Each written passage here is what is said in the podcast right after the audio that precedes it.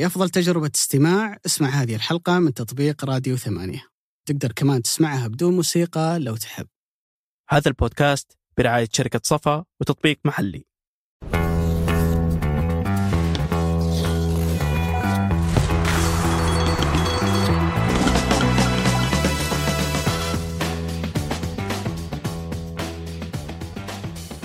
أنا عبيد الله العيسي وهذه حلقة جديدة من بودكاست مرتدة الذي يأتيكم من ثمانية.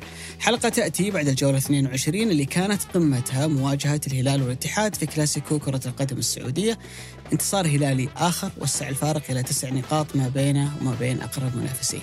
في هذه الحلقة تكلمنا عن ما أعتقد أنا شخصيا أنها أكثر مباراة كشر فيها الهلال عن أنيابه وأظهر فيها الهلال جانب تفوق ما كنا نشوفه من الهلال ممكن لعدة سنوات سابقة.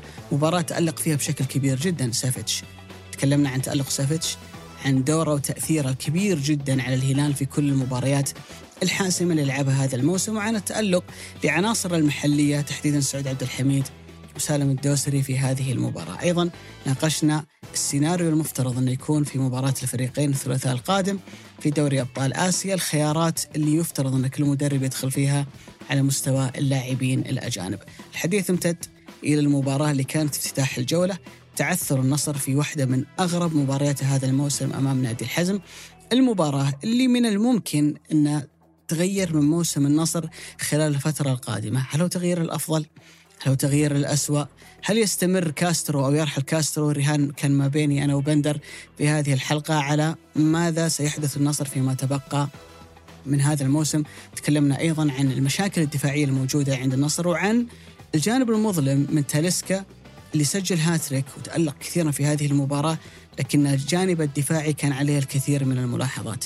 أيضا الحديث امتد إلى المباراة اللي شهدت عودة الأهلي إلى ملعب الجوهرة الحضور الجماهيري الكبير جدا ولقطة إيبانيز وأرقام إيبانيز الغريبة جدا على مستوى البطاقات الصفراء وكم الأخطاء الدفاعية اللي قاعد يعاني منها الأهلي من بداية الموسم واللي جعلت هالمباراة صعبة جدا وعلى الرغم من تعادل الأهلي فيها وفقدان النقطتين على ملعبه لأنها كانت واحدة من أروع المباريات اللي يقدر المشجع الأهلاوي يشعر فيها بالرضا عن فريقه. إذا ما كان على جانب النتيجة فهو على جانب الروح والمشجع الأهلاوي يعي جيدا أهمية الروح بالنسبة له وبالنسبة للاعبي الفريق الأهلاوي. في نهاية الحلقة تكلمنا عن مشروع مهم جدا مشروع اللي اطلق الاتحاد السعودي لكرة القدم SAFF Plus المنصة اللي بتغير من مشهد كرة القدم السعودي على مستوى اللعيبه الصغار المواهب الشابة اكتشاف المواهب بتساعد كثير من الأندية بتساعد كثير من المواهب ووكلاء أعمال اللاعبين.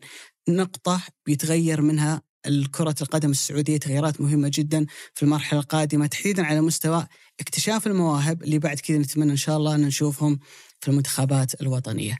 بودي أن أشكر رعاة هذه الحلقة شركة صفا تطبيق محلي. مساك الله بالخير أبو علي. مساء النور السرور هلا ابو علي هلا والله. ما شاء الله عليك. طبعا توك جاي أبد ما تأخرت علينا. تنعم بكونك أحد سكان الشمال فقريب من الاستديو.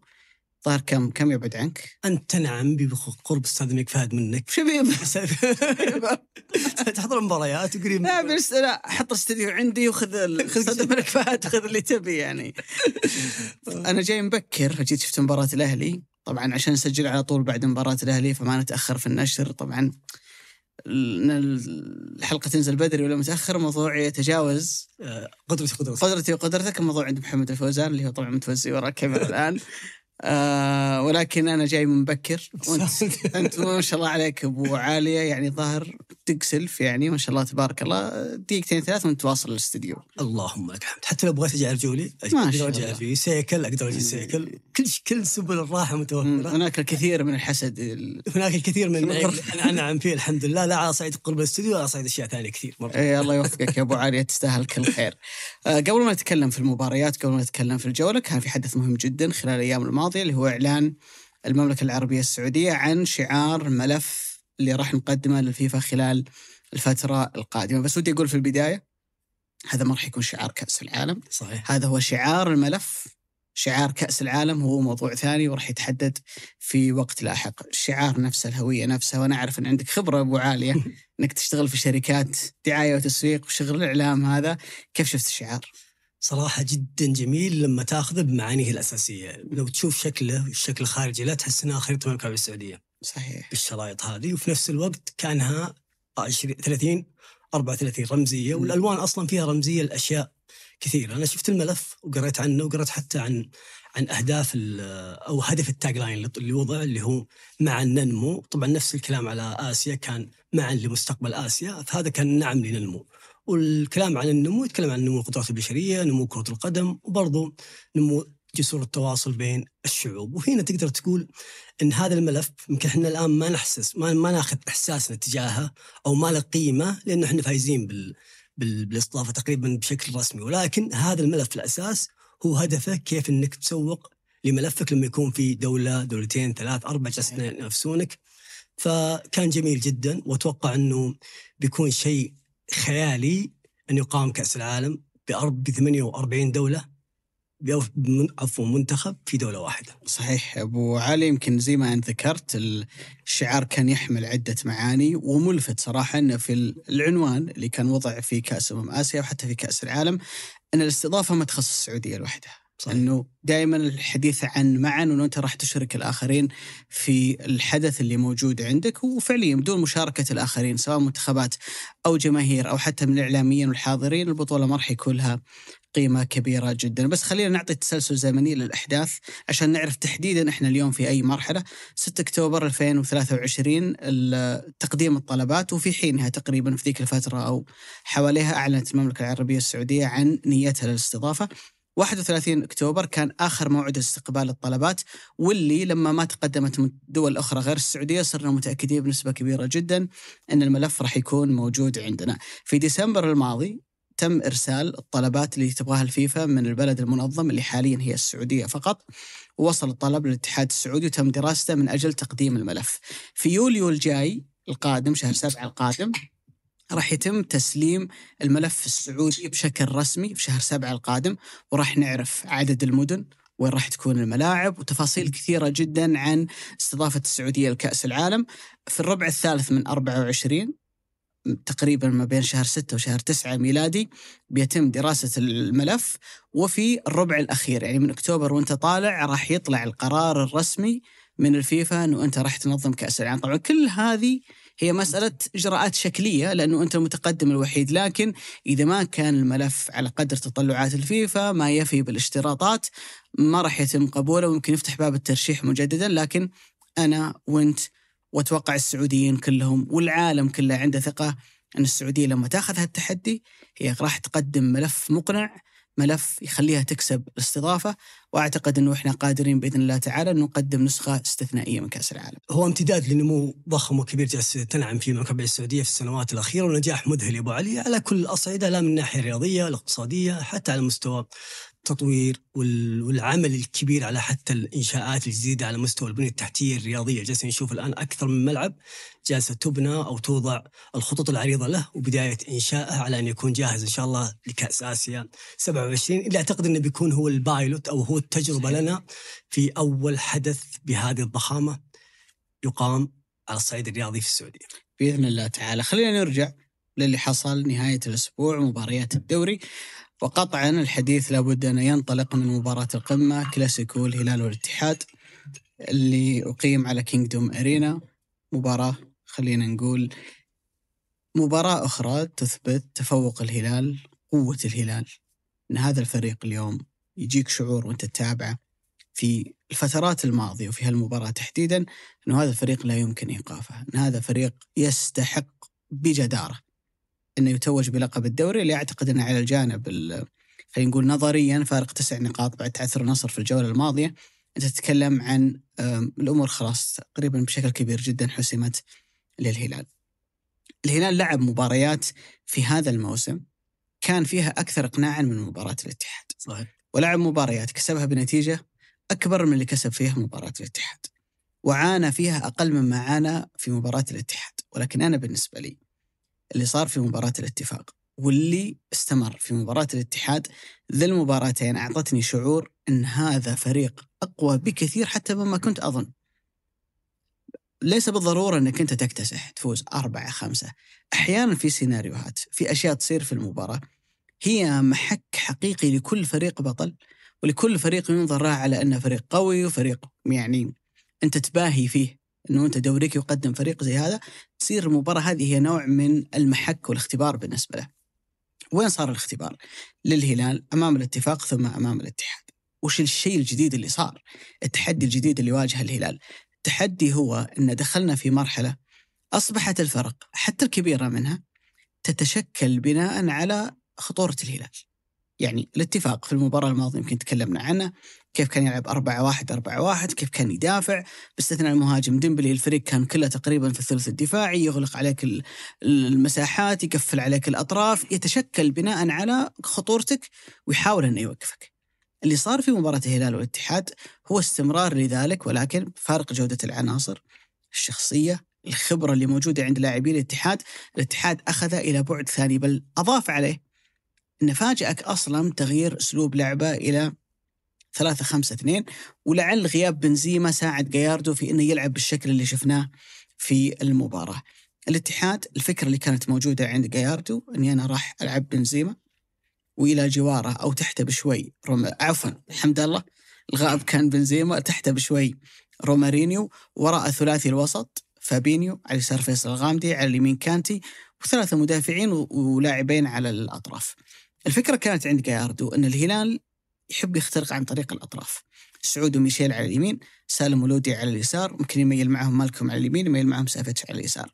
لما كانت تروح الكرة مثلا ناحية اليمين عند سعود أو ميشائيل مع ميشائيل هم الاثنين ناحية اليمين حتلاقي أن فيصل الغامدي راح يميل اللاعب الظهير الايسر زكريا راح يميل قلب الدفاع كادش راح يميل والمحور فابينيو راح يميل فأنت فعليا بتلاقي نفسك مربع. داخل مربع خانقك ناحية الجهة اليسرى.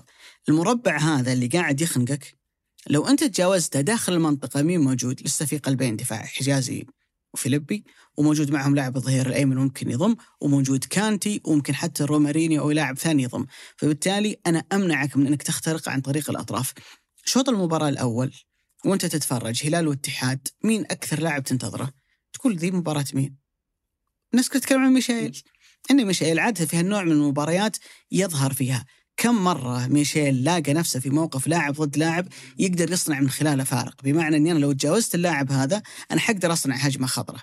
تلقاك حتى لو تجاوزته تلاقي لاعب ثاني معه. ميشيل كان صعب جدا يلاقي نفسه في موقف لاعب ضد لاعب سواء مع زكريا ولا مع أي لاعب آخر. كانت هذه هي الفكرة اللي موجودة عند جاياردو.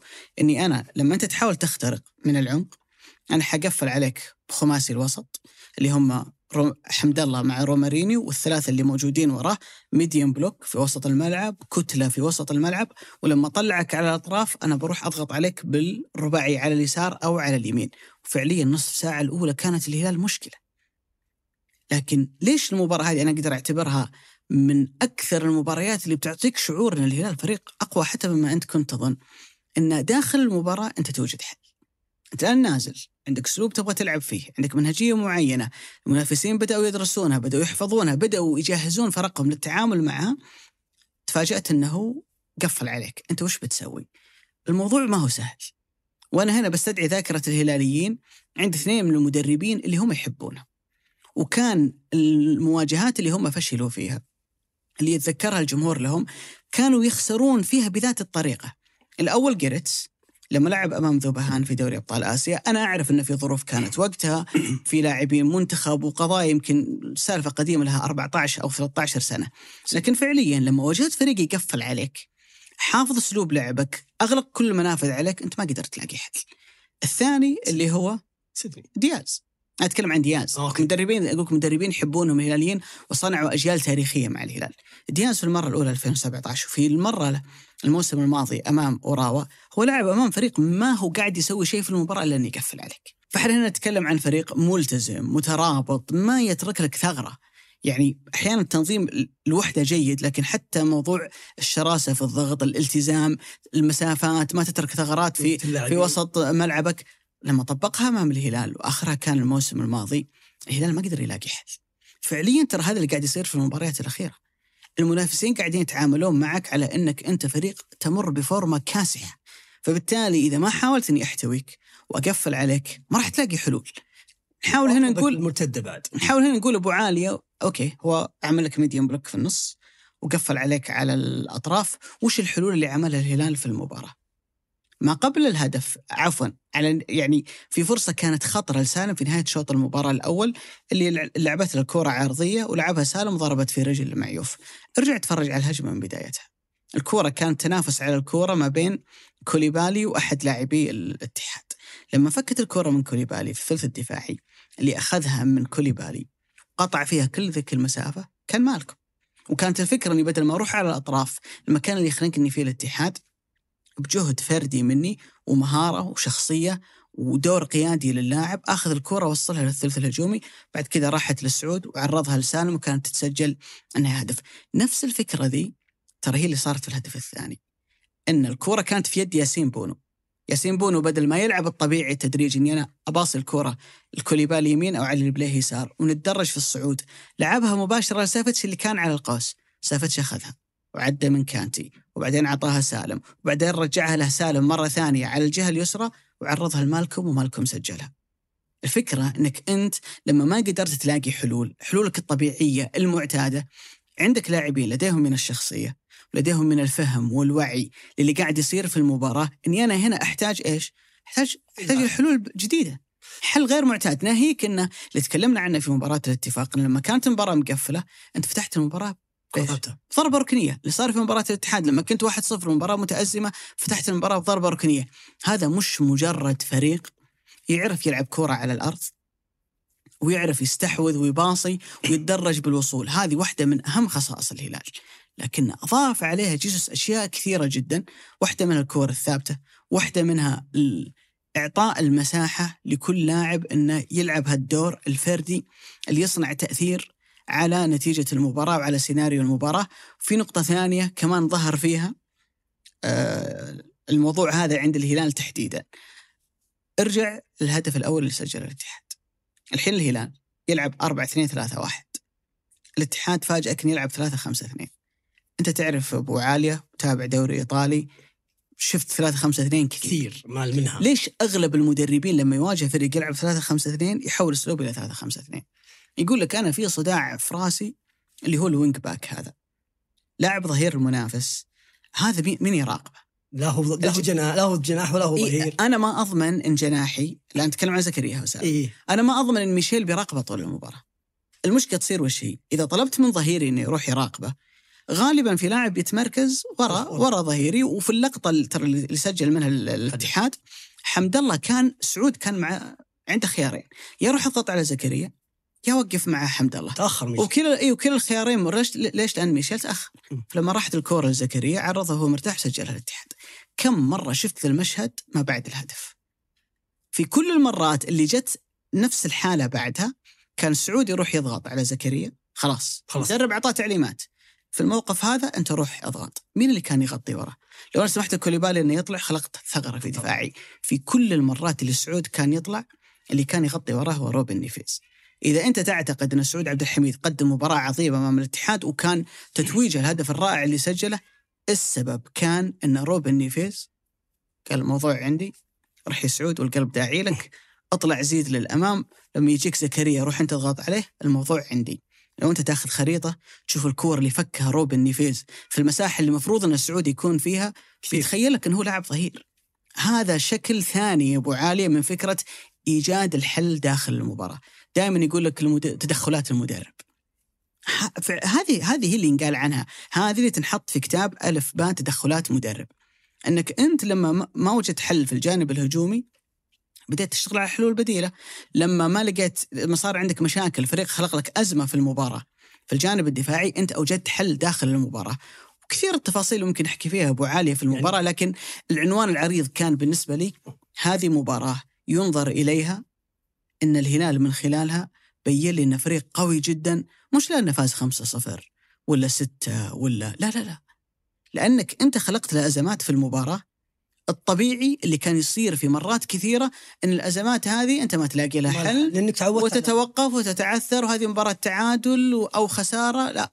اللي صار إنك أنت كل ما غير الفريق الاتحادي من أسلوبه أو خلق لك مشكلة أنت ما كانت متوقعة أنت قادر داخل الملعب إنك تلاقي حل، جزء منها ذكاء مدرب، قراءة مدرب، ولكن جزء كبير جدا أنا بالنسبة لي يمكن أحطه حتى أهم من قرارات المدرب هي شخصية لاعبين.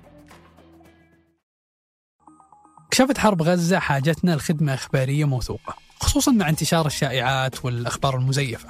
فصحيفة الشرق الأوسط تقدم عبر منصاتها تغطيات حية لكل جديد وتحليلات عميقة وآراء متخصصة.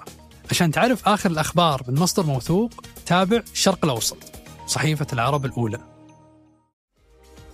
الجماليات المعمارية مهمة بس جودة البناء أهم وحداثة التصاميم مهمة لكن الخدمات والمرافق أهم. المهم والأهم مضمون. تملك المستقبل مع وحدات شركة صفاء للاستثمار. أعرف أكثر من الرابط في وصف الحلقة. كم الراتب اللي يخليك سعيد وراضي؟ وكيف ممكن تتصرف الحكومات لو امتلت الكرة الأرضية بالسكان؟ كل هذه المواضيع نسولف فيها بحياتنا اليومية لكنها تتأثر بعوامل أكبر وأبعد. يناقشها بودكاست جادي من زوايا اقتصادية واجتماعية وتسويقية.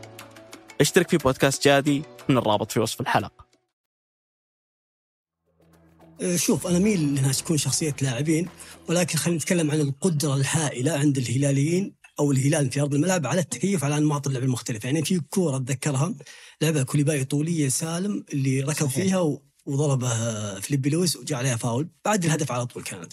وهذه كانت واحدة من الأفكار اللي يلعب عليها أو اللي لعب أو حاول الهلال يخلقها. زايد في لعبه أتذكر نزلت من الطرف ولعبها لاعب اتحاد والله ما أدري منه عرضية ارضيه كان كوليبالي واقف على الخط فكان اللي فاتح على برا آه حمد الله. فقبل لا يلعب العرضية المدافع هو شاف إن حمد الله الحارس. فراح على طول سبقه وهنا أقول لك أنا هنا قدرة لاعب يفرق أو جودة لاعب تفرق ولكن الأنماط اللي جالس يلعب فيها الهلال ترجع بالدرجة الأولى لقدرة جيسوس على تكييف هذا الفريق، كيف تقدر تكيف هذا الفريق على إنه يلعب بأشكال مختلفة وبطرق لعب مختلفة.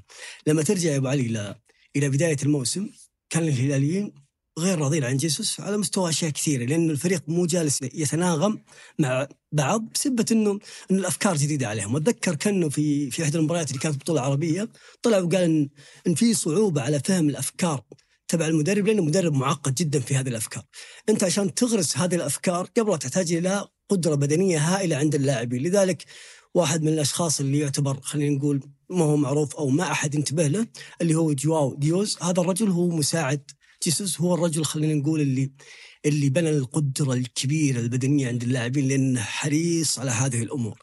زائد كيف تاخذ من هذه المجموعة من اللاعبين 100% يعني أنت عندك كذا سكواد كامل مليء باللعيبة الرائعين اللي عندهم تاريخ كبير وفي نفس الوقت عندهم جودة مختلفة. فأنا كيف آخذ من كل واحد 100%؟ العادة إنه المدرب اللي يلقى عنده وفرة في الأسماء تلقى لاعب لاعبين يتوهون أو يعتبرون يسمونهم آه، مدرب آه، يقتل النجوم أو مدرب مدرب مقبرة النجوم.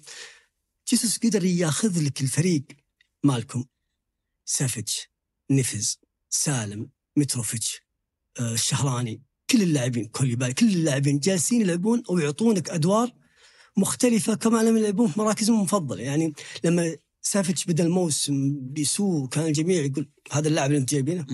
ما كانوا يعرفون سافيتش بالنسبة لي أنا وأنا أعرف زين إنه إذا تبغاه مهاري فهو يصير مهاري، إذا تبغاه سريع فهو سريع، إذا تبغاه محور متأخر فهو محور متأخر، إذا تبغاه يزيد يزيد، إذا تبغاه بالتسديدات يسدد، تبغاه فاولات يسجل فاولات، تبغاه ركنيات يسجل برا، يعني لاعب متكامل، فكيف تاخذ هذه ال 100% من سافيتش؟ كيف تاخذ برضو هذه ال 100% من مالكم؟ مالكم اللي قاعد اشوفه صراحة يا أبو علي ما تحس إنه برازيلي، تحس إنه مولود في أوروبا، يعني العادة اللاعب البرازيلي فيه شوي تعالي يستهبل.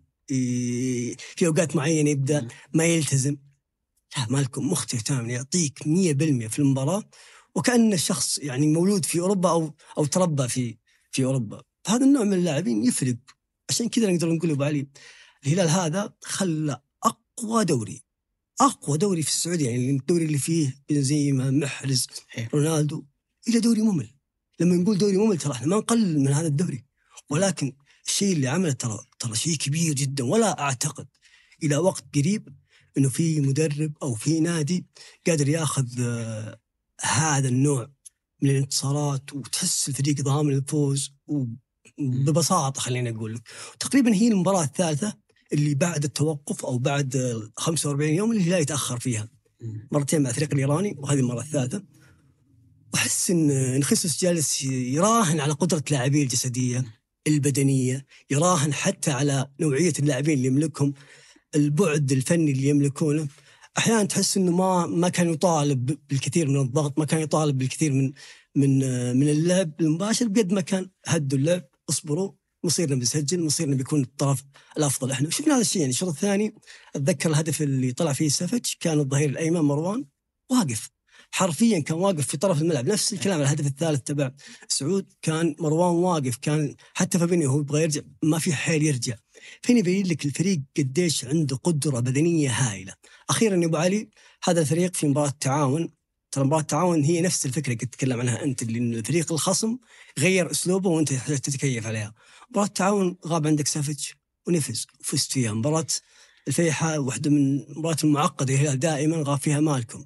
وفزت اليوم أو أمس ضد الاتحاد خصم صعب كلاسيكو وغاب عندك متروفيتش اللي ما له معوض حرفيا صحيح. وقدرت إنك تفوز. فأعتقد إن هذا الهلال مرعب لأبعد درجة. ممكن الناس ما تبدا تستوعب هذا الشيء أو تعطيه قيمة إلا لما يصير من الماضي. دائما أنت لما تكون في أتم الجاهزية أو تشوف الشيء بعينك ما يكون له قيمة. أتذكر برشلونة بيب ما كنت أشوف إنه هذا الشيء العظيم بس يوم راح وش الفريق العظيم. دائما الإرث أو الموت. يعطي أو خلينا نقول يعطي يعطي قيمة للشيء بعد ما تفقد يعني بعد ما يموت الشخص. أو بعد ما يرحل الشخص. يكون له مكانه وقيمه أكبر عكس لما يكون حي أو عكس لما تشوفه. أحيانا المعاصرة أبو عالية إنك تعاصر الشيء ترى يخلي حكمك تجاهه متردد. عكس لما ينتهي وأنت تنظر له على انه نتيجة وأمر محسوم وواقع فبالتالي تبدأ بعد كذا لما أنت تشوفه تخلق لديك يعني حالة كبيرة من الإعجاب آه، تجاهه. على سبيل المثال لو أنت سمعت عن منتخب البرازيل 82 إنه كان منتخب ممتع مذهل. ومذهل ثم تتفرج عليه فأنت بتتفرج والانطباع أصلا موجود جواتك. فتبدأ من خلال اللقطات اللي أنت تشوفها تعزز الفكرة اللي أنت وصلت إليك من خلال أح يعني أحاديث الناس. ففعلا أحيانا لما أنت تعاصر الشيء يكون حكمك عليه أقل من الناس اللي تجي بعدك. ولكن أعتقد إنه الهلال الحالي الفريق الحالي استثنائي بكل ما تحمله الكلمة من معنى إحنا اليوم نتكلم عن فريق جالس يحطم أرقام قياسية على مستوى العالم في عدة انتصارات متتالية. خلصنا من موضوع أكبر سلسلة انتصارات في الدوري وأكبر سلسلة انتصارات لفريق كرة قدم سعودي. الهلال رايح لمستوى ثاني أنه قاعد ينافس أياكس وأندية عالمية لديها هذا النوع من الانتصارات ويمكن باستثناء أياكس أي أحد ثاني سواء اللي موجود اليوم في المركز الأول الفريق الويلزي أو لو طلعوا أسماء من أرشيف الأرشيف. تكلم عن كرة قدم مختلفة في على مستوى التنافسية وعلى مستوى الصعوبة من اللي موجود لدى الهلال اليوم. لو نحاول نرجع بالزمن أبو عالية اللي صار نهاية الموسم الماضي الهلال لأول مرة في آخر ثمان سنوات ينهي الدوري في مركز غير البطل والوصيف آخر مرة كان في 14 15 لما تنافس النصر والأهلي على الدوري. بعدها في ثمان سنوات الهلال كان يا بطل يا وصيف إلين الموسم الماضي. الهلال كان بعد النصر آه الاتحاد اللي هو بطل الدوري والنصر اللي هو الوصيف. في ذيك اللحظة كان ممكن نتكلم على أنها نتيجة طبيعية ومنطقية لجيل وصل اليوم إلى النهاية. جيل سلمان ياسر الشهراني سالم كثير عبد الله المعيوف كثير من العناصر اللي خلاص هي جاوزت الثلاثين والفريق كبير. والفريق اليوم خلاص أعطاك كل ما لديه فبالتالي أنت اليوم بديت في النزول. النزول اللي ممكن أنه يستمر لعدة سنوات ويبعدك عن المشهد يمكن أبرز مثال عليه اليوم فريق أنت تحبه مرة يا أبو علي اللي هو يوفنتوس اللي كان عنده جيل ذهبي والجيل الذهبي هذا لما انتهى بدأ في مرحلة نزول بيحتاج عدة سنوات إلى أن يعود مرة أخرى نفس اللي قاعد يمر في برشلونة وأندية وبايرن ميونخ حاليا. صح ما نغفل ولا أقدر أقفز على حقيقة إن الهلال عمل ميركاتو تاريخي على مستوى الصرف على مستوى القيمة اللي دفعها من أجل التعاقد مع الفريق اللي موجود عنده. ولكن لو ما أحسنت الاختيار ما كان بيكون عندك هذا الفريق وهذا الموضوع تكلمنا فيه كثير لكن المناسبة أنك أنت تعيد هذا الكلام. أبو علي شيء غير منطقي أبدا أن دوري بهذه القوة والتنافسية يخلص باقي ثلاثة شهور. أتكلم اليوم إحنا في الأسبوع الأول من مارس كلنا عندنا تأكيد أن الهلال حسم الدوري. يعني لسه عندك مارس وأبريل ومايو ثلاثة شهور. قبل نهاية الموسم ثلاثة شهور الدوري خلص. الدوري ما خلص لأن الآخرين كانوا سيئين للغاية. صحيح. أتكلم كفارق نقطي صحيح. كمجموع نقاط. جمعها مثلا النصر هذا الموسم ترى ما هو سيء للغاية. صحيح. بس فعليا اللي سواه الهلال فاق كل التوقعات. ابو علي تخيل. وتكلم هنا فاق كل التوقعات لا تعزلها عن إنك أنت على نهاية جيل والموسم الماضي كان أسوأ موسم لك في الدوري في آخر ثمان سنوات. كيف سرعة العودة؟ الموضوع مش بس موضوع فلوس، موضوع موضوع اختيارات وأشياء كثيرة أخرى، فهي لحظة أنت توقف فيها وتستذكر اللي صار نهاية الموسم الماضي. كيف الفريق كان بعيد عن المنافسة، كيف كان بالنسبة للهلاليين فكرة انه في اثنين يتنافسون على الدوري وأنا أقف عليهم متفرجا الرد أتى في الموسم التالي إني أنا خلصت الدوري قبل نهايته بثلاثة شهور. تدري وش من الصعوبة يا أبو علي كيف تسوي هذا البناء التراكمي من نجاح إلى نجاح دايم يعني كل ال- الفرق العظيمة اللي مرت بحقب زمنية. ترى الحقبة الزمنية كم تأخذ؟ ثلاث أربع سنوات. ما تروح ابعد من كذا. في غالبها وبعدها يجي انهيار كبير في على مستوى مرت على ريال مدريد بعد ما. حقق ثلاث ثلاث بطولات شامبيونز ورا بعض مرت على برشلونة وقس على ذلك أندية كثير. فكيف إنك تجدد الفريق أو كيف تصنع النجاح المتسلسل؟ هذا شيء أتوقع إنه الشخص الوحيد اللي نجح فيه هو بيبي جوارديولا على مستوى صحيح. السيتي في السنوات الثمان والتسع الماضية بحكم إنه عارف كيف يدخل جيل ورا جيل ورا جيل يسمونه هذا البناء التراكمي اللي أتوقع إنه شيء صعب في كرة القدم حتى لو نجحت هذه السنة الهلال ونجح السنة اللي بعدها واللي بعدها. ترى المصير بيجي يوم بينزل الفريق وبيطلع بينزل وبيطلع وهذه دورة كرة القدم. ولكن الشيء الأهم إنك تظل دائما في المنافسة. ولما تنزل نزولك ما يكون إلا موسم وترجع مرة ثانية تقاتل أو تحقق تحقق لقب. يبغاه جمهورك ومتعود عليه، لكن لما تتكلم عليه انت عن جزئية الفارق النقطي ترى فعلا كلامك صحيح، ترى جيسوس حرفيا ما خسر إلا 6% من نقاط الدوري. 6% بس اللي فقدها اللي هي تعادلين، بينما منافسة النصر خسر تقريبا 20% أو 19% تقريبا، ف 19% العادة تخليك بطل دوري. صحيح. السنوات العشر الماضية في الدوري السعودي إحصائيا كانت الفرق اللي تحقق بلقب الدوري تفقد ما بين 22 ل 25 نقطة، الاستثناء الوحيد كان موسم اللي الهلال حقق فيه أتوقع 66 نقطة. مع الرزفان إيه، مع رزفان وكان تقريبا نسبته 18% خسر 18 وهذا شيء يعني يقارب النصر الحالي. لذلك النجاح اللي جالس يحقق الهلال هذا الموسم هو ليس ضعفا في الآخرين قد ما هو قوة في الهلال. وخلينا نقول سطوة من من جيسوس جالس يسويها في الفريق. يعني يا أبو عالية لو قلت لك إن في لاعب وسط مركزه ثمانية وبيلعب خلينا نقول ثمان مباريات top four مثلا زي في إنجلترا. بيواجههم تقريبا في ثمان مباريات. كم مباراة من الثمان ذي تتوقع إنه بيساهم بصناعه أو تسجيل لاعب ثمانية؟ مهما كان لاعب الثمانيه ذا يعني مودريتش على ام. على جلاله قدره ومكانته ما كان يظهر كثير في المباريات كثيرة. بس إنه كان له تأثير في مستوى تركيبة الفريق. بس صحيح. التسجيل ما كان صحيح. عنده. صحيح. أكيد لا قيمته لكن نتكلم عن مستوى التأثير المباشر الصناعة والأسيست. أمام الأندية أتكلم عن النصر الاتحاد الأهلي. هذا الموسم آه الهلال واجههم ثلاث مرات في الدور الأول. هذه المواجهة الرابعة أمام الاتحاد. تكلم عن مواجهة خامسة كانت في كأس موسم الرياض وتكلم عن بدون أنا اخطيت في العد مواجهتين أمام النصر والاتحاد في البطولة العربية okay تكلم عن كأس موسم الرياض والبطولة العربية ممكن ما تكون بنفس أهمية مباريات الدوري بس هنا وهنا كل فرق كانت تنزل بأفضل تشكيلة ممكنة فمستوى صعوبة المباراة ما له علاقة في كون المباراة دي تعتبر رسمية ودية. ولا ودية لأن كل فريق بينزل بأفضل تشكيلة وبيعطي أفضل أداء في هالمباريات نهائي البطولة العربية كانت هي المباراة الوحيدة اللي سافتش ما عمل فيها assist أو سجل أمام الأندية هذه. الملفت بالنسبة لي وليش نقيس على هالأندية؟ لأنك لما تواجه الاتحاد أنت فعليا تواجه كانتي وفابينيو. لما تواجه النصر أنت تواجه أوتافيو وبروزوفيتش. لما تواجه الأهلي أنت بتواجه خط وسط موجود فيه كيسي. تكلم عن لاعبين. إما إنهم من خلال الأندية اللي لعبوا فيها التجارب اللي أتوا منها كانوا أعلى من سافيتش كان ينظر لهم وهم موجودين في السوق الأوروبي على إن سافيتش هو لاعب. يمكن خبرات أقل أو تجارب أقل أو حتى لو أنت يمكن ما كان قريب يمكن okay كان يوفنتوس مهتم فيه في فترة من الفترات بس ما كان يتم النظر لا على أنه خيار أول مثلا للأندية اللي هي العظيمه ال top على مستوى أوروبا. ومع ذلك لما بدأ الدوري لما واجههم في كل المباريات الماضية سافتش يعمل؟ يعمل العجب.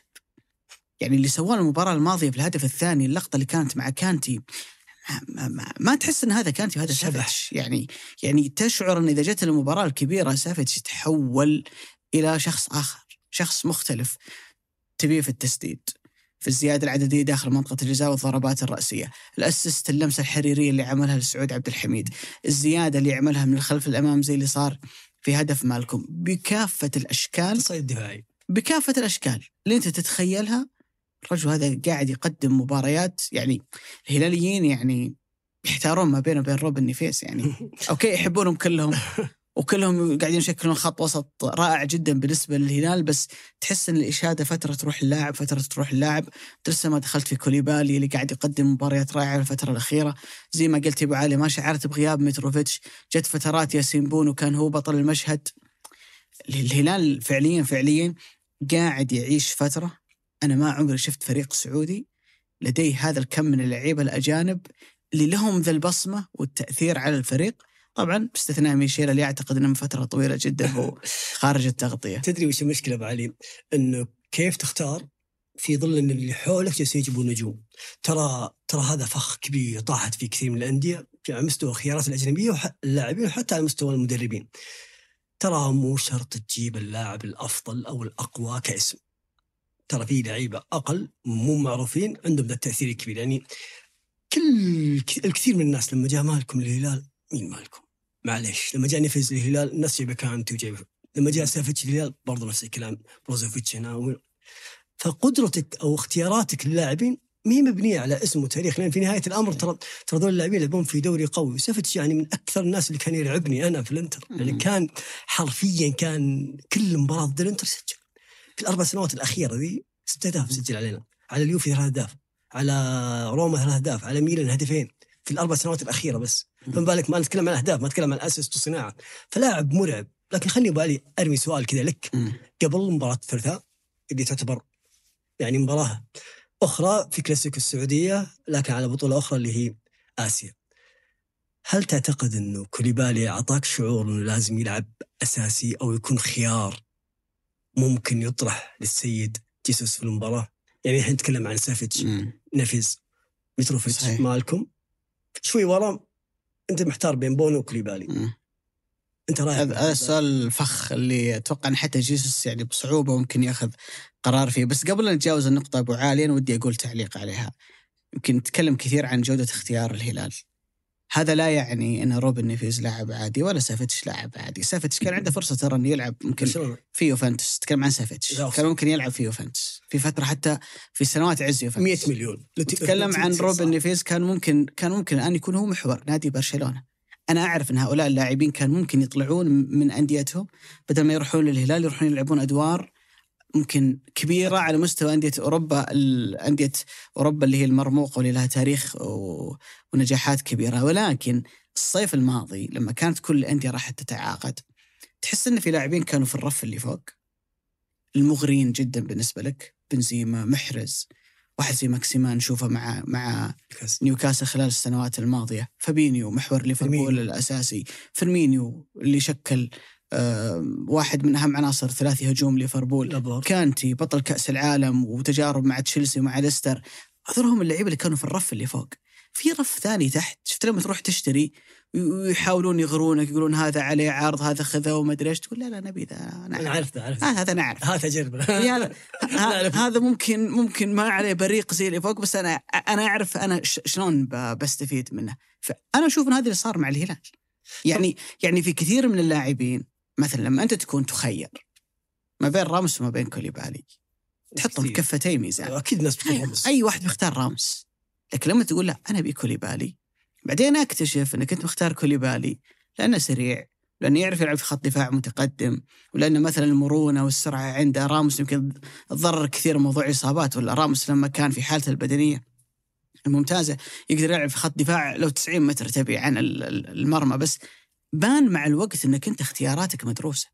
وبان مع الوقت إنك أنت اختياراتك كانت ذكية. فلما نتكلم عن هالحالة إحنا ما نقول إن هاللاعبين هم لاعبين عاديين جو من أوروبا. لكن في وقت الاختيار في أسماء تحس إنها كذا براقة.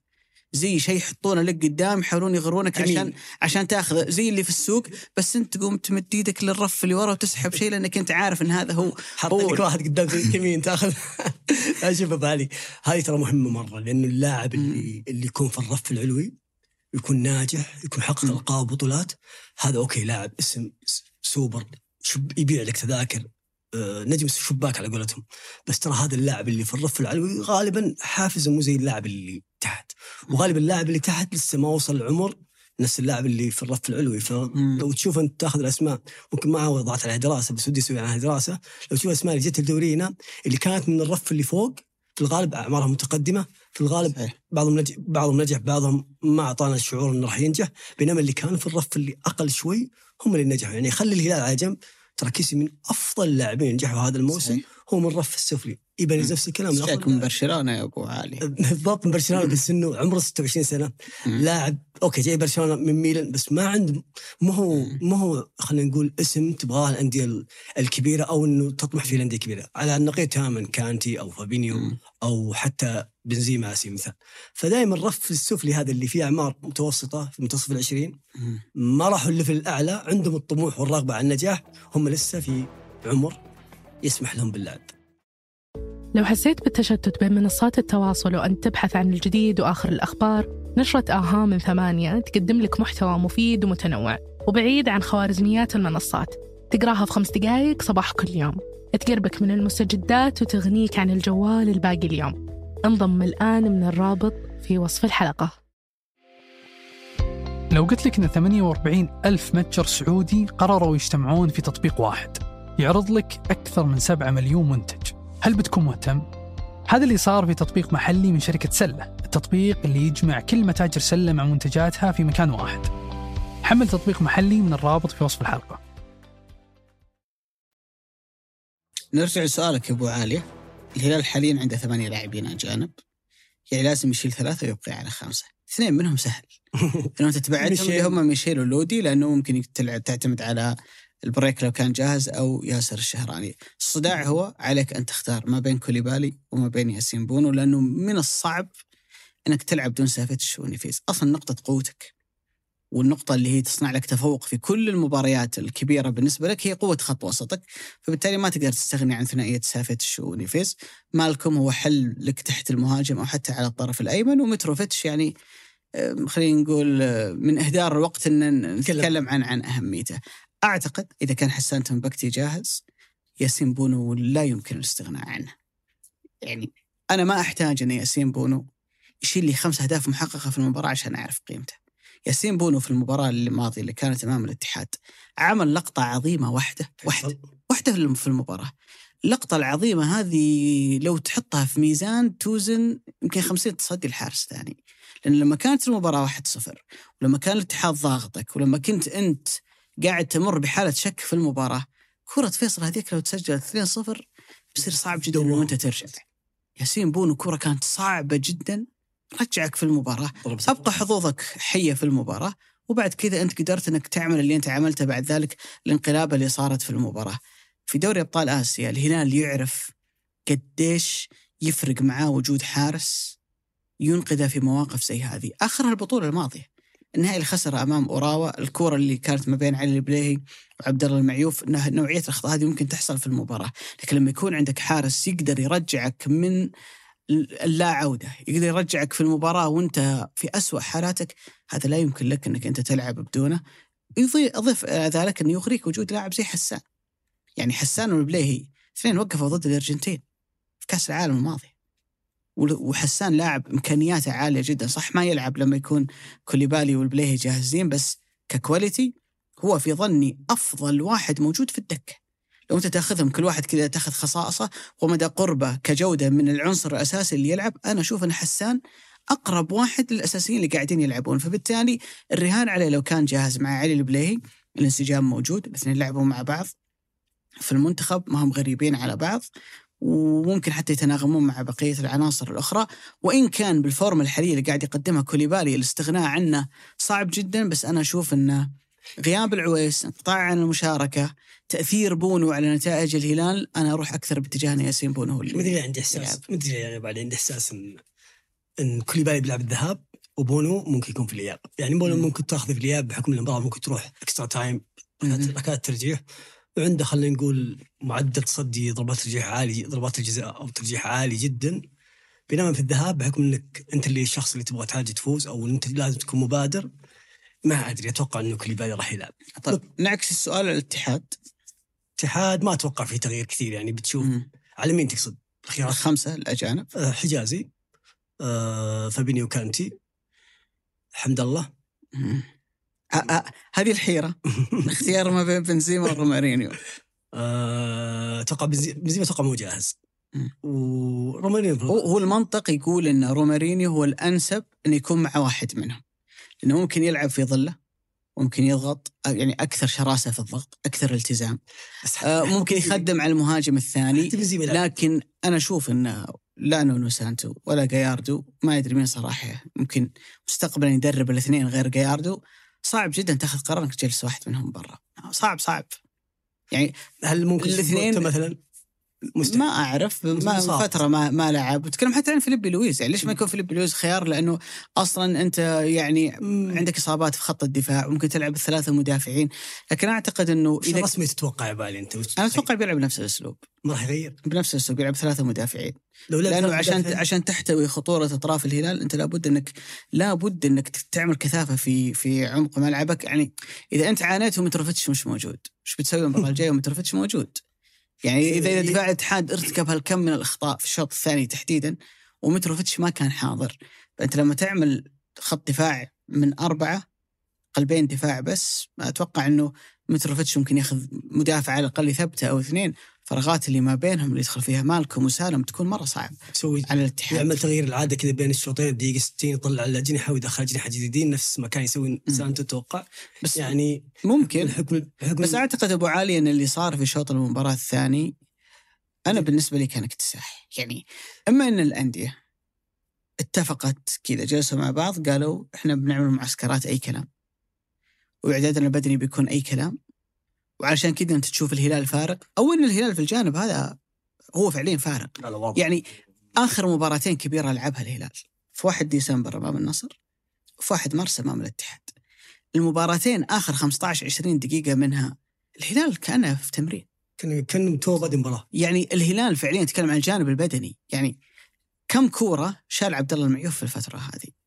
كثير. وكم كورة ضاعت من الهلال أمام النصر في الفترة هذه؟ كم لاعب شفت يمشي في الملعب من الخصم؟ في الفترة إي. في أكثر فترة أنت تختبر فيها الفريق بدنيا يمكن العباره اللي أنت قلتها يا أبو علي توصف الوضع. الهلال كأنه ما شاء الله تبارك الله عشان يقولون عيني حارة بعد ما مدحت إيبانيز هجت معه.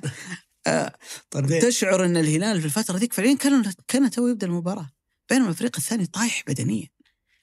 هو جانب تميز الهلال لكن السوء اللي موجود عند الفريق الآخر مرعب. اللي صار للاتحاد شوط المباراة الثاني السهولة اللي كان يلعب فيها الهلال المساحات الكبيرة اللي كان يلاقيها ورا زكريا ورا مروان م- مرعبة جدا. يعني جاياردو لما يبدا يفكر في المباراة الآن أنا أنا ظهرت في المباراة هذه إني مرهق. لما ألعب مع الهلال بعد يومين. فانا بكون أكثر ارهاقا. لما ألعب مع المباراة الثانية يعني كل مباراة بتحط حمل على المباراة اللي بعدها. ما كان يلام سانتو لما كان يبدل بالأظهرة والأجنحة هذول لما كان شوط يلعب بلاعب وشوط يلعب بلاعب ثاني.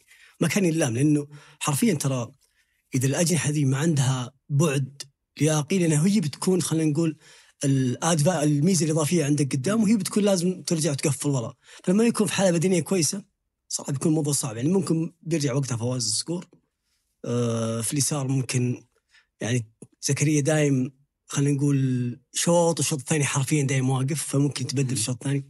فما أعرف صراحة صداع صداع بالنسبة لجاياردو يعني مم. ضد نفس المدرب اللي اللي خسر منه نهائي ليبرتادوريس. فتحدي صعب.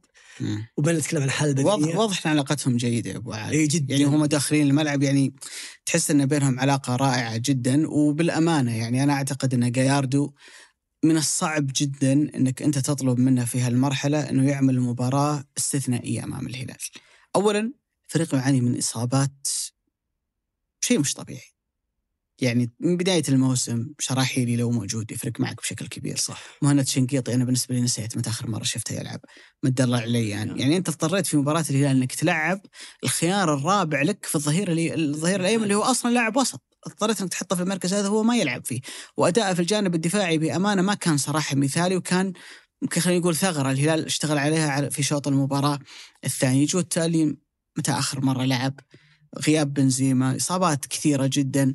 يعني عصفت بالاتحاد في الفترة بس الماضية. في اصلاح أبو علي جالس تصير يعني في الاتحاد مم. عملية إصلاح داخلية مرة جالسة تعطي إشارات إيجابية. يعني الاتحاد من اول من أول الأندية اللي تم تعيين المدير التنفيذي. عنده. من أوائل الأندية برضو تعين المدير الرياضي.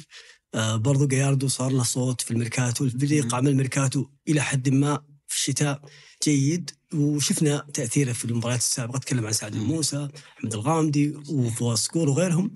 ففي عمل جالس يترتب داخل البيت الاتحادي في خلينا نقول أشياء وأمور كثيرة جالس يتم العمل عليها. لذلك أنا شايف إنه إنه نقصي كل شيء أو نقصي جياردو والفريق اللي معاه بال بالازمه اللي دخل فيها الفريق من عشوائية الميركاتو الش- الصيفي صحيح. السابقة تراها بتكون ظالمة لأي شخص بيوصل بعد هذا الدمار لأن حرفيا كل شيء كان مدمر وزاد على هذا الدمار إنه الفريق مر بأزمات من ضمنها أزمة كأس العالم، أزمة الإصابات، أزمة آه العدد الكبير من اللعيبه الأجانب، فأعتقد إنه التحدي الأكبر بالنسبة لجياردو والاتحاد هو إنك كيف تنهي هذا الموسم. في مركز جيد على مستوى الدوري يصعدك أو يأهلك للمنافسة أو لعب دوري الأبطال السنة القادمة زائد انك كيف تقدم شيء يعني يعطيني بوادر عن المستقبل بحيث إنه نقول إن شاء الله الأمور تكون في اتجاهها الصحيح. صحيح في كثير من من خلينا نقول عدم الإيمان بجاياردو من جمهور الاتحاد لأنه ما في شيء عمله ما في قفزة واضحة صارت في الفريق وهذا صراحة وارد وطبيعي ولكن جاياردو خلينا نقول بين قوسين ما بنحكم عليه ولكن هو ليس من المدربين اللي ممكن ياخذ لك فريق ويحقق في ست انتصارات طويلة ويجيب لك دوري. ما سوى ذا الشيء مع مع ريفر بليت في ثمان سنوات. ولكن هو من المدربين اللي يقدر ياخذ لك بطولات الكاس champions يعني نجاح على مستوى الفوز بالليبرتادوريس مرتين لعب نهائي ثالث خسره نجاح على مستوى بطولات الكاس. كان فارق جدا قدرته على تحفيز اللاعبين إنه يطلع منهم مستوى ثاني. من اللعب يعني كان الفوارق كبيرة ترى بين ريفر بليت وفلامينجو لما لعبوا نهائي 2019 كان فلامينجو فارق على مستوى الأسماء. ومع ذلك ترى تقدم وكان قريب إنه يفوز ممكن في آخر خمس دقائق انقلبت المباراة عليه. فأعتقد إنه من المدربين اللي عنده جوانب إيجابية ولكن ممكن ما تكون هي الجوانب اللي إحنا نرى أنها قادرة على ان تضع الاتحاد في مكان عالي ولكن ما أقدر أجزم أو أو ما أجزم في هذا الموضوع يا أبو علي بقد ما ننتظر ونعطي الرجل فرصته. أنا ما ودي نختم الحديث عن الهلال والاتحاد بدون ما أشير إلى لاعبين. كلام صراحة بصمة كبيرة جدا في المباراة بالنسبة للهلال. اليوم السعود عبد الحميد وسالم الدوسري. أنا من الناس اللي من أول ما تم زيادة عدد اللاعبين الأجانب في الدوري السعودي وأنا كنت ولا زلت أرى أن زيادة اللاعبين حتى لو وصلوا إلى ثمانية لاعبين هو أمر إيجابي. إذا بنتكلم عن المحصلة النهائية للمنتخب أنا لا أبحث عن لاعب أساسي يلعب في ناديه في مستوى منافسة منخفض وإنما أبحث عن لاعب لاعبين ثلاثة أربعة يلعبون أساسيين في أنديتهم بس يقدر يدخل في المستوى العالي اللي موجودين فيه اللاعبين الأجانب. الآن لو أنت تفرجت على مباراة خلينا نقول نهائي كوبا ليبرتادوريس. جلست تتفرج على المباراة؟ تفرج. بيجيك شعور إن ذولا تقريبا كلهم في مستوى واحد. بعدين لما تدخل تشوف ال data أو البيانات تشوف إن هذا من الاورجواي والظهير هذا من كولومبيا وهذا مو بشرط ترى كلهم يكونون يعني ال super stars كلهم مثلا برازيليين أو أرجنتينيين. لو أنت بتتفرج على المباراة وأنت ما تعرف جنسيات اللاعبين أنا أجزم إن أي متابع أجنبي ما راح يقدر يميز من من المحلي من الأجنبي. صحيح. يعني سعود سعود وسالم تحديدا وحتى علي البليهي. يعني علي البليهي أنا أنا ما أشوف إنه في جاب كبير بينه وبين وبين كوليبالي. هذا الشيء اللي أنا أبحث عنه. أبحث إن يكون عندي في الأندية الكبيرة ثلاثة أربعة خمسة لاعبين هم في مستوى هؤلاء اللاعبين. يعمل لي تأثير في المباراة؟ عنده وعي تكتيكي؟ لياقيا قادر أنه يبدأ وينهي المباراة بنفس الأداء البدني أو أداء بدني معقول قياسا بجودة اللاعبين الآخرين اللي موجودين معاه؟ ما في فرق واضح بينه وبينهم بدنيا. الشيء هذا تلحظه. موجود في سالم وفي سعود تحديدا ظهر في هالمباراة. يعني الهدف اللي سجله سعود أمام الاتحاد هذا ما يسجله إلا ظهير من ال class A يسجل لاعب عشرة. إي يعني على مستوى كرة القدم العالمية يعني اللي عنده الثقة إنه يدخل ويراوغ بهالشكل وتتكلم إنك يعني تتكلم يسجل. فس ولا سعود بس؟ سجل نوعية الأظهرة أبو علي اللي عنده ثقة كبيرة جدا بالنفس أنك توصل تقطع كل هالمسافة. ولما توصل يعني تلعبك المسافة اللي أنت قطعتها التعب اللي أنت تعبته تستلم الكورة في المساحة الضيقة هذه تكون هادي ومركز تنهي الكورة بالشكل هذا هذه هذه أهداف ما تتسجل بالصدفة. هذه أهداف تتسجل عشان تبين لك أن اللاعب هذا على مستوى الجودة هو وصل اليوم إلى منطقة متقدمة جدا. المباراة الماضية أمام الاتفاق تكلمنا أن الركنية اللي سجل منها الهلال الهدف الأول سعود جابها من ولا شيء. صحيح. فعليا اللي كانت أمام اللي كانت كرة مشتركة بينه وبين حمدان الشمراني. أنا أحتاجك توصل لهالمستوى المستوى اللي موجود اليوم في سلطان الغنام مثلا في النصر اللي نتمنى نشوف كذا لاعب سعودي لما أوصل أن يصير عندي في كل نادي ثلاثة أربعة من هذا المستوى أخذهم. مع كذا لاعب جيد من أندية الوسط، مع كذا اسم بديل موجود حتى على مستوى الأندية الكبيرة، أقدر أكون منهم منتخب. أقدر أكون منهم منتخب حقيقي وقوي. نبدأ هنا نتكلم إنه هذا أقدر أجاري فيه المنتخبات اللي انديتها تلعب في أعلى رتم على مستوى كرة القدم الأوروبية، لكن مسألة إني أقلل اللاعبين الأجانب عشان أنزل رتم الدوري. وأقلل من صعوبة المنافسة، صح أنت بتلعب أساسي، لكن عمرك ما راح توصل لمستواها. صح. يعني اليوم الحدة والتنافسية اللي موجودة في الدوري السعودي ونستشهد على ذلك بالتصريح اللي قاله روبن نيفيز اللي قال كلام جميل ورائع عن الدوري. بعدين قال قال عبارة يا أخي جميلة جدا. قال أنا أركض في الدوري السعودي أكثر من كنت أركض في الدوري الإنجليزي. يعني الصعوبة والرتم هنا قوي جدا. فلما يكون عندي لاعب ينجح في مباراة فيها هذا الكم من اللاعبين الأجانب بهذه الأسماء والقدرات الكبيرة اللي هم جايين منها ويكون بدنيا ولياقيا وعلى مستوى الوعي التكتيكي والقرارات داخل الملعب زيهم هذا اللي بكرة بيخدمني. تدري ليش ليش الأفارقة وال- والدول الأفريقية والمنتخبات الآسيوية الشرق آسيوية تنجح أو تقدم بطولات عظيمة في في بطولات كأس العالم أو كأس آسيا؟ لأن اللاعب اللي يلعب مع هذا أو منافسه اللي قدامه هو يلعب معه في الدوري. يشوفه كل يوم. فهو متعود انه يلعب معه يعني المنتخب السعودي لو لعب مباراة مع البرتغال مثلا بيشوف أوتافيو ويلقى رونالدو فهو عارف ذول اللعيبة. هذول رونالدو وأوتافيو يلعبون اساسيين أجل البقية زيهم ما ما يحس بال gap والفارق. نفس الكلام لما تلعب مع صربيا ومتروفيتش و- وسافيتش. فأنت يكون عندك خلينا نقول نوع من الثقة. ترى الثقة هي اللي ممكن تأثر بين بين آه، منتخب ومنتخب على مستوى المباراة نفسها. أزمة الثقة عدم الإيمان بالنفس ممكن يخليك في مباراة تكون في أسوأ أو في أقل مستوى بينما لو كان عندك الثقة أو الرغبة أنك تفوز وهذا اللاعب تعرفه وسبق أنك لعبت معه تعرف وين حدوده فأنت قادر أنك تفوز عليه. ولو كان هذا مو مرة أو مرتين بعد فترة صحيح. خلينا نرجع قبل بيوم. ال- المباراة اللي كانت صدمة كبيرة جدا اللي هو تعادل النصر والحزم. أربعة أربعة المباراة اللي الشوط المباراة الثاني منها كان حفلة مو حفل يعني لا حفلة قياسا حفلة ب- بالفوضى اللي صارت موجودة والتصريح اللي قاله كارينيو بعد المباراة اللي قال والله لا إحنا منظمين ولا هم منظمين.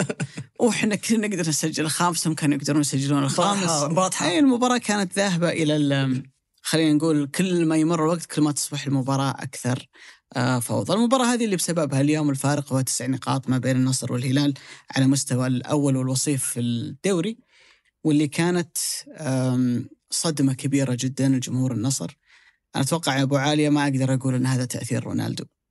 غياب رونالدو وإن كان على الجانب القيادي التحفيز التوجيه أكيد إنه له دور لكن رونالدو ما له علاقة ابدا في الموضوع هذا في انك تستقبل أربع أهداف في مباراة. يمكن قبل أسبوع أو أسبوعين بعد مباراة الشباب أنا من الناس اللي قلت إن النصر أعطاني مؤشرات إن الفترة الجاية بدنيا النصر راح يعاني. للأمانة ما توقعت ابدا لا تكون مع حزن أن الكلام بيصير في المباراة اللي بعدها، يعني شوط المباراة الثاني بأي معيار تبي تاخذها أبو علي؟ إنك استقبلت أربع أهداف في شوط هذا مؤشر. إنك أربع مرات في المباراة تتقدم ولا تعرف تحافظ على سيطرتك ويرجع الفريق الثاني عليك هذا مؤشر.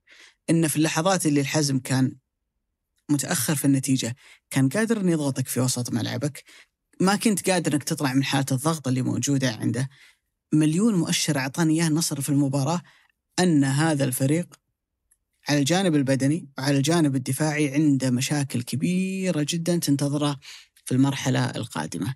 يمكن أبو علي إحنا ما نستخدم لقطات في في بودكاست مرتدة وخلني أنوه بس الجمهور اللي حبوا التجربة في كأس العالم الماضيه لما كنا نأخذ لقطات ونتكلم عنها إن الفكرة إن البودكاست يكون هو محتوى صوتي فبالتالي اللي قاعد يسمعني الآن في السيارة الله يعينك على زحمات الرياض اولا. الأمر الثاني إحنا ما نستخدم لقطات عشان المعنى والفكرة توصل بالشرح الصوتي. ولو أنت تشوفنا على الشاشة خير وبركة. ارجع تفرج. على هدف الحزم الأول اللي صارت النتيجة واحد واحد.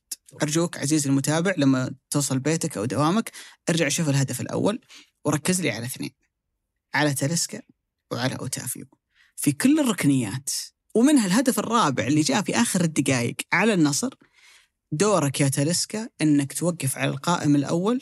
انت وش زينك؟ طويل طولك فوق ال 190 أنت اللي بتاخذ الكرة الأولى. كانت القائم الأول. زين؟ ما يوقف على القائم بالعادة اللي يحطون على القائم هو اللاعب القصير. لا أنت أول واحد بيواجه الكوره وأنت اللي بتعترض الكرة الأولى. وأوتافيو كان تقريبا على القوس أو حوالين القوس وماسك لاعب الحزم اللي هو سجل الهدف. الكرة عدت من فوق راس تاليسكا ما تحرك من مكانه. صار فيه اللعبة كذا زي الدربكة لاعب الحزم كان في لحظة التنفيذ واقف مع أوتافيو. راح لف من وراء أوتافيو وعمل الزيادة ودخل داخل الستة وسجل الكرة داخل المرمى لدرجة أن أليكس تيلس أصلا كان مراقب ومتابع اللاعب اللي موجود قدامه وما أرتقى لأن هذا هو اللي أنا اللي أنا مسؤول عنه. فإذا عدت من وراه خلاص الكرة بتطلع برا. لفت فجأة هذا ذا من وين طلع؟ فعليا أوتافيو مر من جنب أوتافيو أوتافيو كذا ناظر فيه ذا وين رايح ذا. راح عشان يسجلها. طيب راقبه. طيب امنع عليه يتقدم. طيب اجري معه. طيب كاتفه. طيب يعني شوف المباراة الماضية مالكم لما حجز لاعب الاتفاق. كيف قدر سافتش إنه يسجل؟ امنع عليه يتقدم. أنت أنت واقف معاه ليش؟ عشان بس توقف معاه. أنت بحاله دفاعية. إي أنت الآن ضربة ركنية للفريق الثاني. وأنت واقف مع اللاعب هذا حق الحزم اللي هو سجل الهدف.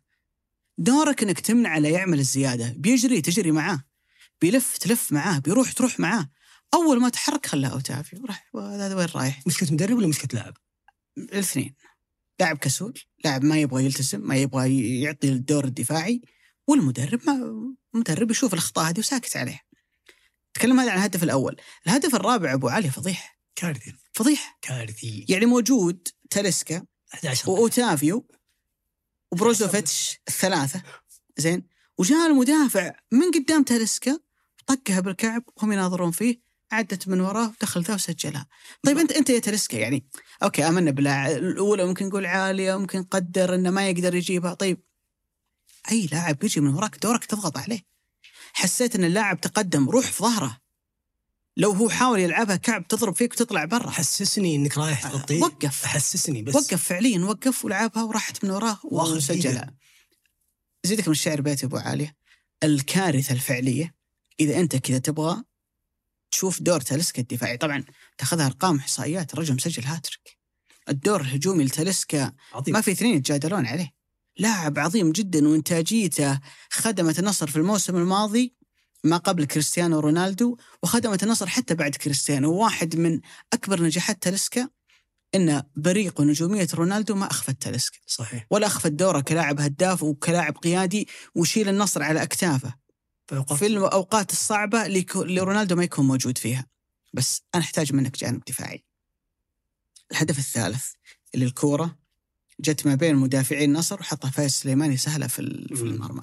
أنت هنا بتحكم على المشهد الأخير على آخر فصل من ال- الرواية. انه الكورة بين المدافعين المدافعين ليش ما خلصوها؟ الكورة كانت out لاعب الحزم لما جاي بيرميها في لاعب اللي المفروض يراقبه تلسكا تلسكا ما عنده أي دور في الحياة لأنك تراقب اللاعب هذا.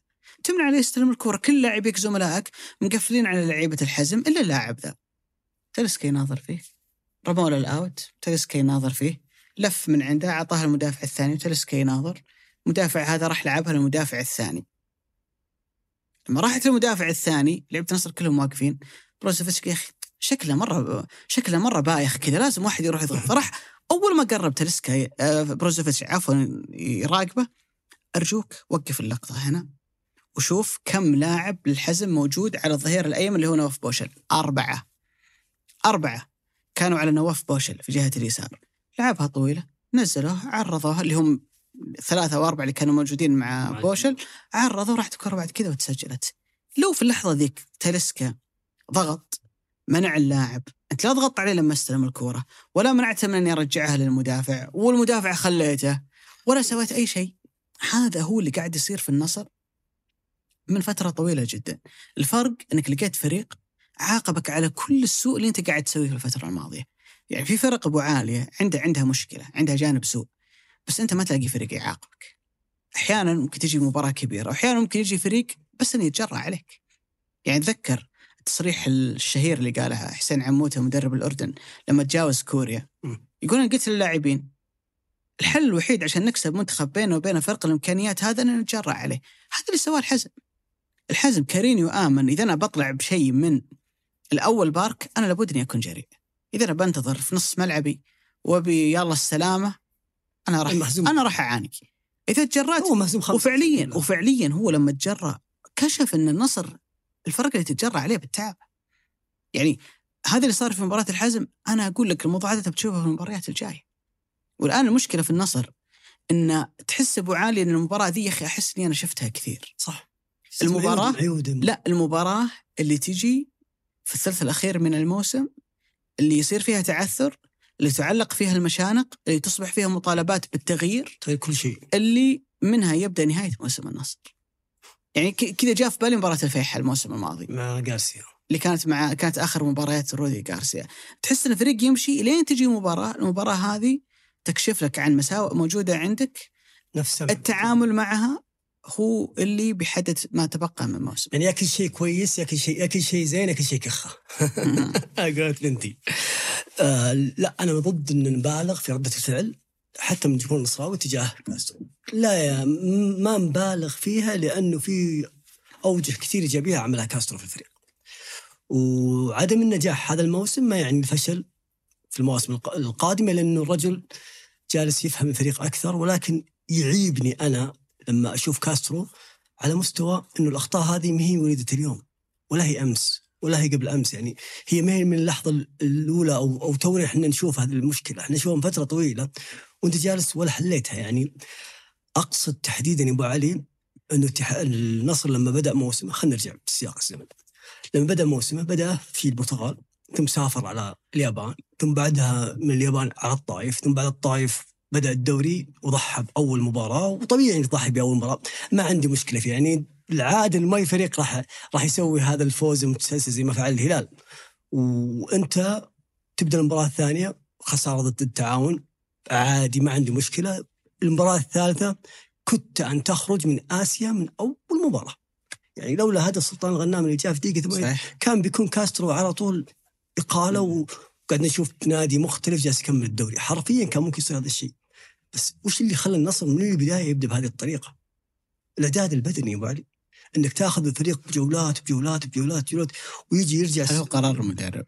هو قرار هو تجاري وفي نوع من الإدارة يعني ما له دخل في المدرب يعني ما أقدر الوم مدرب فيه بالدرجه الأولى. ولكن ما بعد ذلك الفريق تحسن. راح بسلسلة انتصارات كان يفوز ويفوز. وقلنا نتكلم ابو علي وأتذكر الكلام ده زين. كان يقول النصر جالس يلعب مباريات بدنية عالية يعني يحاول ياخذ المباراة بالشوط الأول ويريح على نفسه كثير الشوط الثاني. وهذا الشيء خلاه يقتل المنافس اللي يبغى يأذيك الشوط الثاني اللي يبغى يجس النبض الشوط الأول. فجأة يلقى نفسه خسران اثنين ثلاثة فهو أوريدي يدخل في أزمة وتنتهي المباراة.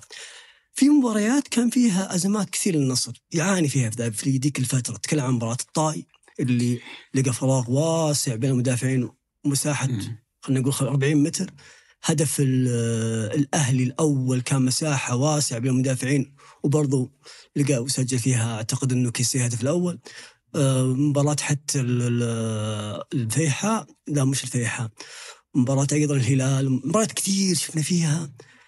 الفراغ اللي وراء زائد الأهداف من الركنيات.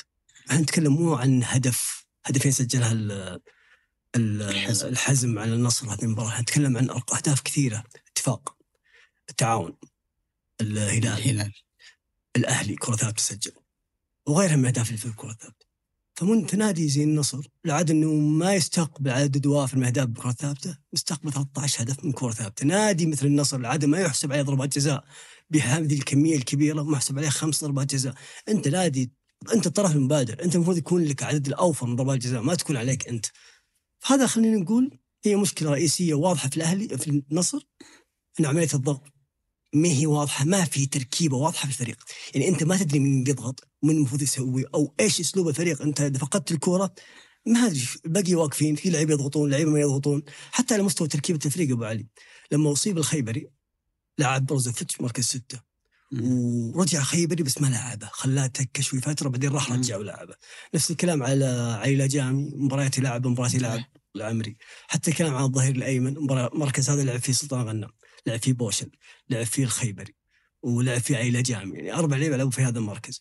نفس الكلام على قراراتك في ميركاتو هل كانت هي الصحيحة أو ما كانت صحيحة؟ أنا ما أتكلم عن الشتوي الصيفي الشتوي اللي بتعدل فيه. صح إن مشكلة نواف العقيدي يعني خلقت أزمة داخل الفريق ولكن الفريق واضح عليه إنه بدنيا ولا عنده طريقة أو أسلوب لعب من ناحية ما بعد خسارة الكرة لذلك تشوفه بهذه البشاعة وبهذا الظهور خلينا نقول اللي يخلي أي نادي يبغى ينافس النصر الجولات الجاية حتى العين لمباراته معاه هذا الأسبوع. ممكن يأذيك من من عمليه الدفاع اللي أنت جالس تعامل فيها المباريات يعني okay راح يفيدك كثير غياب لابا لابا يعني لاعب مرعب. ممكن حتى العين خلينا نقول مو هو العين اللي بدأ الموسم لأنه جاء بعد بعد إقالة شرودر جاء آه كريسبو وكريسبو ما أعطى البعد الكبير. ولكن خلينا نقول النصر مو جالس يقدم موسم سيء موسم جيد أو جيد جدا ولكن في أخطاء ما نحط عليها المجهر. أو ان نشوفها إلا وقت ما تكون في أزمة أو لما تخسر لأنه الانتصارات دائما تحسن أو تخلي دائما الحديث إيجابي والصدارة تخلي الكلام حتى إيجابي. ممكن الأخطاء اللي فيها الهلال الآن ممكن إحنا ما نشوفها إلا لما يخرج من بطولة أو أو يعاني. صحيح لكن أعتقد إنه النصر انقذ كثير في مباريات ماضية مسألة الشخصيه ان الفريق يمر بأزمة ويقدر إنه يرجع في المباراة آه، مرة ثانية ولكن كانت المشكلة إن الأزمة دي تتكرر. أنا أتفهم إن فريق ممكن حتى لو أنت تعمل مباريات فورمتك عالية نتائجك جيدة مستوياتك مقنعة يجي مباراة تكون أقل من المأمول. والهلال نفسه يعني اللي يذكرون الهلال في سلسلة الانتصارات هذه مثل المباراة اللي كانت أمام الفتح آه، في الحسا ما كان أداء الهلال المقنع لكن كان قادر أنه يطلع بنتيجة. لكن المباراة اللي بعدها توريني أنك أنت خلصت من المشاكل الموجودة عندك. النصر لا من فترة والفريق يعاني فبالتالي يبدأ يجيك السؤال أنه متى بتصير العثرة؟ إذا ما هي المباراة هذه فانت تتوقع إنها بتصير المباراة اللي بعدها. أنا كان غريب بالنسبة لي إن كاسترو تكلم إنك أنت تلعب على أرضك. عندك مباراة آسيوية منتظرة. ضد صاحب المركز الأخير. هي فرصة مناسبة إنك أنت تريح على الأقل ثلاثة أربعة من العناصر الأساسية عندك، لما تشرك لاعبين بدلاء تقدر من خلالهم إنك أنت ترفع الرتم البدني صحيح. اللي موجود عندك، لكنك ظليت محتفظ بنفس الفكرة إني بلعب بالأساسيين وبهدي الرتم البدني، لكن فعليا لما أنت أخذت الخيار هذا أنت دفعت الثمن في المباراة. في وجهة نظر أبو عالية صراحة تستحق إن الواحد يتأمل فيها. يقول لك إن تعرف المثل الشعبي اللي يقول لك ما دون الحلوق إلا اليدين. إن كاسترو وجد نفسه بداية الموسم بعد الجولة الثانية نور الهلال بست نقاط. الهلال لو راح فرق بأكثر من ست نقاط الدوري بيخلص. أنا بكون مهدد بالإقالة. راح أفقد وظيفتي في الأسابيع الأولى من عمر الدوري. إذا ما خليت الفريق الآن ينطلق بأقصى سرعة ممكنة. أنا ممكن بعد كذا مهما أسوي أثناء الموسم إذا أنا أنتظر أن التحسينات بتبدأ بعد الجولة الرابعة الخامسة أوكي بيتحسن الفريق بس الدوري بيكون خلص. فأنا كنت مضطر في الفترة ذيك أني لازم أرفع الرتم. حط هذه مع المعسكر الإعدادي السيء اللي أنت سويته مع كبر سن لاعبيك وعدم وجود جودة دفاعية عند كثير من عناصر منهم النتيجة الطبيعية والمنطقية اللي هو اللي أنت قاعد تشوفه اليوم. يعني سبب واحد من هذه هو كافي أنك أنت تكون في أزمة. فما بالك لما أنت تسوي الثلاثة هذه كلها؟ الحياة كانت حلوة وجميلة في النصف الأول من الموسم لكن اللي يبدو واللي يظهر لنا أن النصف الثاني بيكون للنصر آه، صعب جدا. هل كنت على حق أنا لما كنت قلت ريسكا ما ينفع يكون في النصر هذا الموسم؟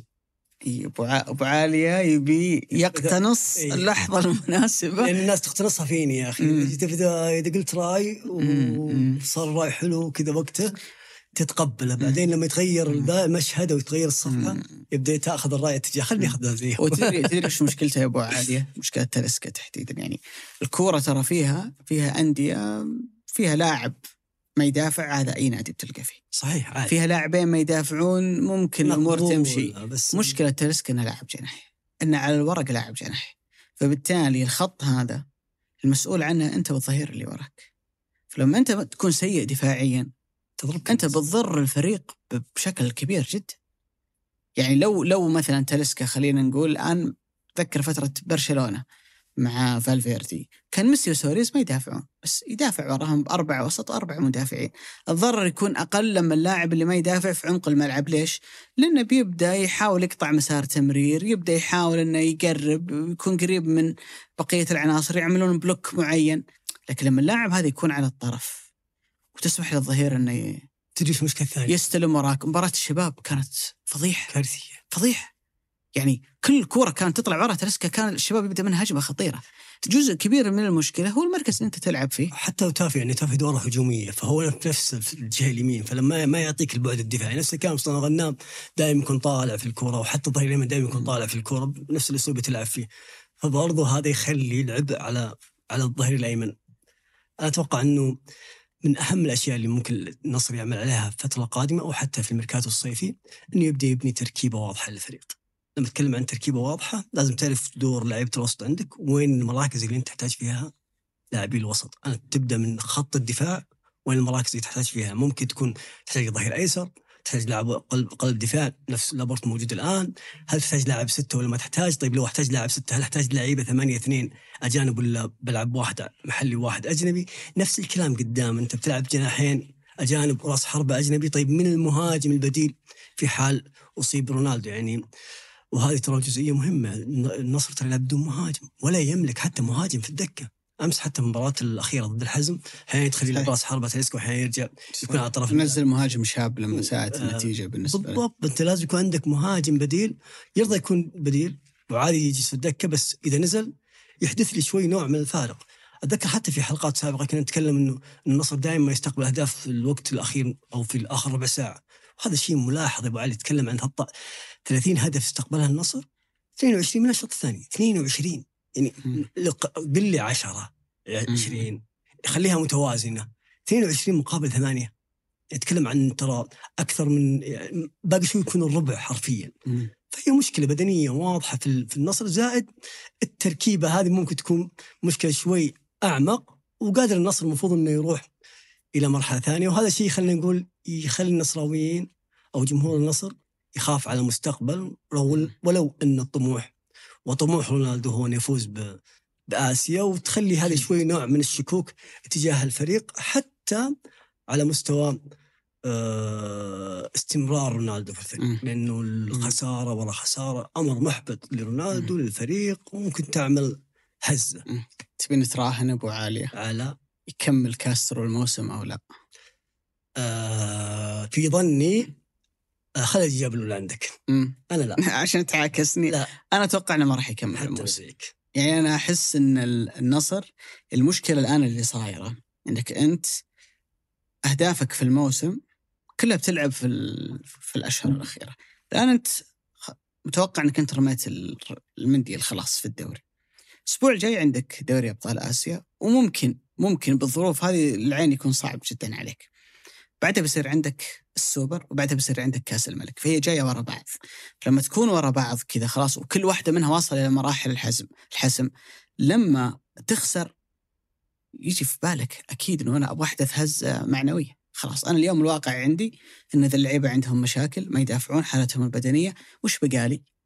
بقالي إني اراهن على جودة اللاعبين وإني أحدث صدمة نفسية ممكن تخلي الفريق بعد ذلك يرجع.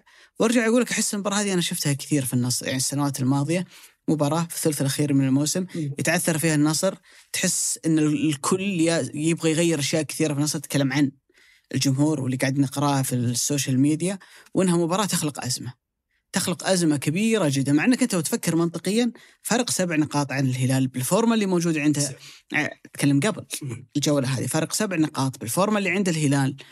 المنطق إنه الهلال ما راح يضيع هذا الدوري. فأنت لو خسرت الدوري المفروض ما تكون مصدوم مرة النتيجه الطبيعيه والمنطقية الهلال سيفوز بهذا الدوري. فحاول إنك ما تتعامل مع المباراة دي إنك تخلق من خلالها أزمات كثيرة.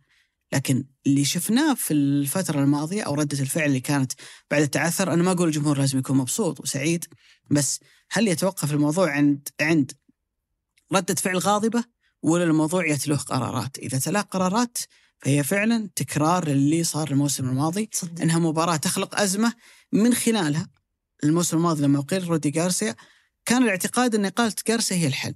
ثم تبين لاحقا إنها كانت هي بداية نهاية موسمك فعليا. أتوقع إنه الآن بس ترى ما قلت رأيك أبو علي. آه، لا أنا قلت رأيي قبلك بعدين الحين بدي مم. شكلي بهون. لأنه الآن تغيرت الإدارة وأصبح شوي الموضوع آه، بيد الرئيس التنفيذي الإيطالي. فأعتقد. إنه ما بديت أشك مسألة الإقالة صراحة. ما أعتقد انه راح يكون في إقالة. لا لا ما أعتقد. لأنه آه ما أعتقد إن بنشوف قرارات زي هذه في التوقيت نهاية موسم زي اللي كنا نشوفها في السابق. مم. حتى لو كان الموضوع إنك خسرت كل أهداف الموسم. طيب خليني أبو علي أروح لمباراة الأهلي والفتح وأبدأها معك بسؤال آه، خارج السياق. مين أكثر مدافع متهور شفته في حياتك؟ ايبانيز خلصت سؤال أبو علي يعني يجي في بالي مين؟ يجي في بالي. راموس صامويل إي مدافعين اللي عرفت اللي عندهم من الدفاع هذا أنا ما أتوقع إن كل من المدافعين اللي إحنا. شفناهم بيبي راموس صامويل ما أدري مين يعني. كلهم لعبوا في الريال لوشيو لوشيو ذولا المطافيق ما أتوقع إن في واحد منهم في 20 مباراة يلعبها بياخذ 11 كرت أصفر إيبانيز. إيبانيز وينك رايح؟ 11 كرت أصفر 20 مباراة رقم رقم غير طبيعي. خوفني في الفان يعني يعني يعني الرجل اخذ أربع كروت وتوقف وأخذ ثلاثة كان باقي له كرت توقف. خطط المباراة اللي بعدها أخذ كرتين توقف رجع أخذ كرتين. يعني ترى على فكرة لما يرجع يلعب بعد الإيقاف لو أخذ كرت بتوقف المباراة اللي بعدها. يعني كمية كروت صفر قاعد ياخذها الموسم. مدافع رائع. مدافع مكسب كبير للأهلي وقيادي وشخصية و... وثبات وثقة. بس في جانب الاندفاع هذا يعني تعرف الآن المتابع الأهلاوي اللي بيسمعك بيقول لك يا أخي الكرة الاولى ما يستاهل عليها كرت. الثانية هو دخل على الكورة. الفكرة هي أنت ليش تندفع؟ يعني بداية المباراة دقيقة 13 مدرب لعبك محور خانة جديدة خلني أشوفك تثبت نفسك فيها. فيها توك ماخذ كرت كرة طارت عليك خله ياخذها. تدخل عليه في هالشكل ليش يعني؟ يعني يعني أنت في اللحظة اللي ما تحتاج فيها إنك تكون متهور. يعني ممكن لو المنافس قدر إنه يلقط الكورة قبلك خلاص هذه ممكن تاخذ فيها أحمر مباشر يعني. فعنده عنده اندفاع في كثير من الأحيان أعتقد إنه يخرب عليه. وأعتقد إن الأهلي قبل ما ندخل في كل التفاصيل هي مباراة أخرى الأهلي يدفع فيها غاليا ثمن الأخطاء اللي يرتكبونها الجماعة اللي ورا. يعني الكرت الأول okay بغض النظر كرت مستحق ولا مو مستحق لكن يا مندي يعني عندك واحد على يمينك واحد على يسارك. تلعبها ال- وكلهم فاضيين. تلعبها لإيبانيز ليش؟ ما لعبها لإيبانيز تورط أنا ما- عارف تورط إيبانيز ليش؟ يعني خطأ سهل ارتكبه كذا وهو رايق ولا عليه ضغط ولا عليه وبادي بعد. يعني بداية المباراة دقيقة 13 هذا اللي عنده كرت اللي هو إحنا شادين الظهر فيك وأنت بتلعب المباراة ذي محور بتعوض المجحد ثنائية مع كيسيه ممكن ممكن تكون مركزك الأساسي يستمر في الموسم يعني الأهلي ظل يعاني طوال المباراة علشان الجماعة اللي موجودين ورا مدافعين والحارس ظلوا يرتكبون الأخطاء اللي من بداية الموسم هم يرتكبونها. ترى تبي اهداف في مرماهم؟ سجلوا. تبي أخطاء سهلة زي اللي سوى مندي في الجولة الأولى أمام الحزم؟ سووا. تبي تبي assist زي اللي سواه مجرشي مباراة التعاون؟ سووا. يعني طب وتنق في الأخطاء الدفاعية تجي بلنتيات نعطيك بلنتيات لا حرفيا ترى كمية أخطاء تكلمنا عنها بداية الموسم في دفاع الأهلي يعني غريبة هذه المشكلة إيش؟ المشكلة تتكرر تتكرر تتكرر يعني لما قلنا إن الرجال صار مسالم. ومندي ضبط ولا ورجع هو ديميرال إيه. والحياة حلوة فجأة كذا أعطاه assist اليوم قال لا ترى لا زلت عندي عندي مشاكل آه، ديم- ديميرال اليوم لعب مباراة رائعة جدا ولكن تلاحظ إنه مدافع الثاني مش مش الأيسر عبد الباسط لا اللي جنب عبد الباسط اللي أحيانا يكون ديميرال أو حتى إيبانيز تلاحظ إنه دائما يكون متهور تلاحظ إنه هو اللاعب اللي يكون أول من يعمل عملية الضغط في كل المباريات. أتوقع جو إنه جزء من عملية التهور اللي جالس يتسبب فيها ديميرال حتى في طريقة دخوله اليوم اللي سبب. فيه إنه يصاب في رأسه. وحتى ايفنس هو ان الأهلي دائما تحت الضغط دائما فريق يبغى يفوز دائما فريق تلقاه يا خسران يا متعادل يبغى يسجل هدف الفوز. فتشوف فريق كذا مندفع وتلاحظ المدافع الأخير هذا إذا ما أخذ الكورة الأولى بعد ما ترجع أو تلعب مرتدة للمنافس فإنها بتكون هجمة خطيرة. فدائما يكون المهاجم هذا أو اللاعب هذا في حالة اندفاع عالية تجاه المنافس. أتذكر أقرب تفسير لها مباراة ريال مدريد وبروسيا دورتموند في دوري الأبطال لما كانت 4-1 ولعبوا الإياب فكان راموس مع ليفاندوفسكي. وكان الريال يحتاج يفوز ثلاثة. مباراة صعبة. فكان حرفيا راموس رفس في ليفاندوفسكي ترفيس كان شيء مو طبيعي مم. نفس ما صار أو ما يصير مع إيبانيز في كثير من المباريات يضرب يحاول يأخذ كل كورة لأنه لازم تكون قوي. حتى إنك تخوف اللاعب اللي اللي ممكن يسبب عليك أزمة ويدخلك في أزمة لأن الخطأ بهدف والهدف بخساره خلينا نقول ولكن مباراة خلينا نقول نجمها الأول أو لما طرد إيبانيز دقيقة 13 قرر جمهور الأهلي أن يكون هو اللاعب رقم 11 بدل إيبانيز ونزل أرضية. الملعب. وقدم دور كبير جدا في دعم اللاعبين للفوز. إذا كانت أو إذا كان الدوري يحتاج لرونالدو في عملية تسويقه فالدوري يحتاج الجمهور الأهلي في عملية رواجه. إذا كانت مباراة كبيرة يا أبو علي اللي نحتاج نسوقها أو نصدرها للعالم فمباراة الأهلي في ملعبه يجب أن يتم تصديرها ووضعها في توقيت خاص فيها مع معلق بقيمة وجوده عالية. لأن هذا الجمهور بهذا الحماس بهذا التأثير لا جابهم دوري ولا جابهم نهائي كاس ولا جابهم طموح جابهم بس عشق وحب هذا الكيان وقدروا يأثرون خلينا نقول على اللاعبين في أرض الملعب إنهم يعطون فوق ال level الطبيعي. يعني إحنا شفنا بعد الطرد فيرمينيو يرجع محور. أنا أول مرة أشوف فيرمينيو أثناء المباراة مشمر كل شيء رافع يعني واضح الرجل تعبان. في في حالة خلينا نقول بدنية وجالس يضغط على نفسه. وخلينا نقول واحدة من أجمل مباريات فيرمينيو على الصعيد على الاقل باصات شخصيته في أرض الملعب نفس الكلام ماكسيمان. يطلب كورة في كل لحظة من المباراة ويحاول خلينا نقول يصنع حل أثناء هذه المباراة. نفس الكلام على علي مجرشي على محرز اللي كان ينزل كثير ويغطي في الجانب الدفاعي بعد ما كنا نقول إن هذا الجانب يكاد يكون معدوم أو حتى على مسألة إحساسه بقيمه الكيان والكيان الأهلاوي والنادي. في شعور يجيني شفت الجمهور هذا. أنا لازم إني أعطي أكبر ما لدي. وشفنا ديميرال اللي ما لعب مباريات كثير؟ تحس إنه ولو أنه ولد في في ملعب الجوهرة أو ولد في شارع التحلية في مدينة جدة بجوار النادي الأهلي وكان يلبس الشعر هذا طول ما ما كان صغير. يعني لعب بروح قتالية تخليني أشك إنه هذا اللاعب okay يعرف الأهلي من قبل أو إنه يشجع من قبل. فجمهور مؤثر. عاطفي يعطيك شعور وجو عام إنه هذا النادي صراحة حالة استثنائية في تاريخ الدوري السعودي. لما أقول حالة استثنائية ترى كثير أندية هبطت قل مستواها وعانت والأمثلة كثير. كل الأندية بلا استثناء ممكن كثير منها في العهد الحالي أو في العصر المعاصر. ولكن ما في نادي سقط وسوى جمهوره هذا العمل العظيم في السنوات الأخيرة. يعني 80 مو 80 50 ألف اليوم. حضروا بصوت واحد. حتى في عز الأزمة وقفوا مع الفريق ودعموا كل اللاعبين اللي اللاعبين اللي هم ينتقدونهم أثناء أو ما بعد المباراة. صحيح. وثناء مستحق على الجمهور الأهلي وأعتقد أن طبعا هي عودة الأهلي إلى الجوهرة بعد غياب طويل جدا لكنها كانت من المباريات اللي أنا في ظني اللي تقدر تأخذها كنموذج تقيس عليه الفارق الكبير جدا بين التشجيع لما يكون في رابطة والتشجيع لما يكون جماعي. يعني كلنا أبو عالية سواء اليوم اللي يحلل ولا اللي يقدم بودكاست كلنا جايين من المدرج. كلنا كنا نروح نحضر مباريات ونتفرج و...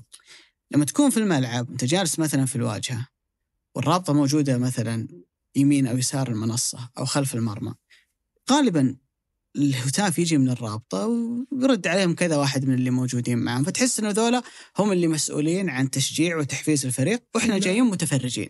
التشجيع لما يصير بهذا الشكل جماعي يصير المدرج كله له تأثير. يصير المدرج كله له دور. وأنا هنا أقول إن كل اللي اشتغلوا في روابط الأندية ورابطة الأهلي تحديدا لهم دور كبير جدا. بس اليوم في نمط جديد من التشجيع وهم أصلا النمط الجديد هذا هم اللي قائمين عليه. يعني مثلا الان الهلال التشجيع الجماعي ما ما يعني إن عفيفي ما له دور. له دور كبير جدا بس نمط التشجيع هو اللي تغير.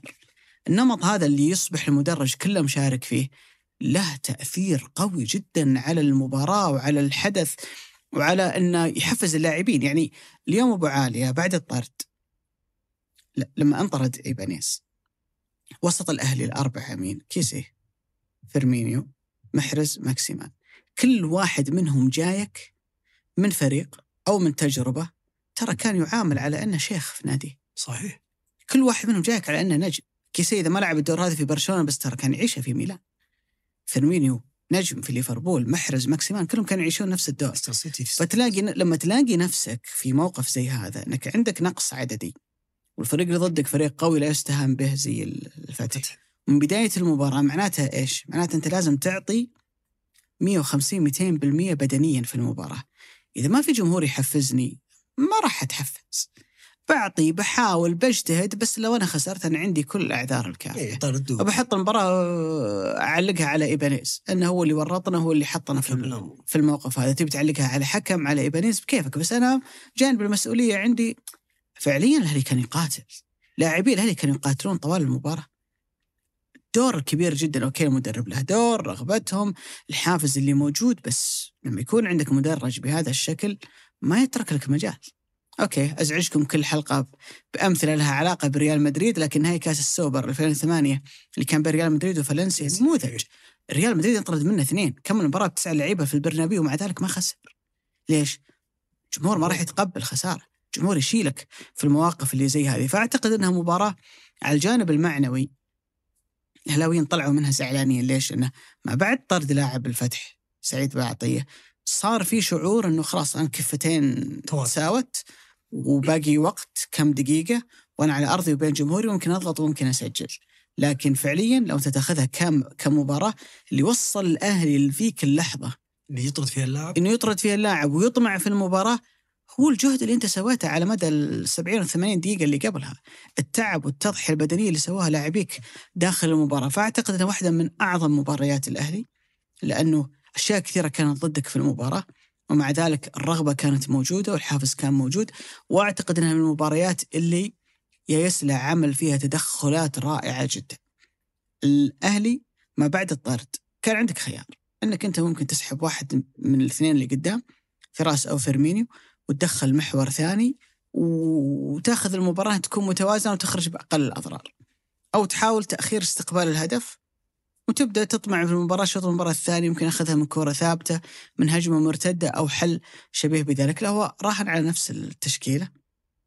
لكن كيسي لعب دور كبير جدا في إنه يعوض غياب المجحد وإيبانيز اللي كان المفروض إنه معوض له على مستوى الافتكاك واسترداد الكرات في وسط الملعب لكن كمان الشيء الذكي اللي عمله آه يايسله إنه ميل اللعب كله ناحية اليسار.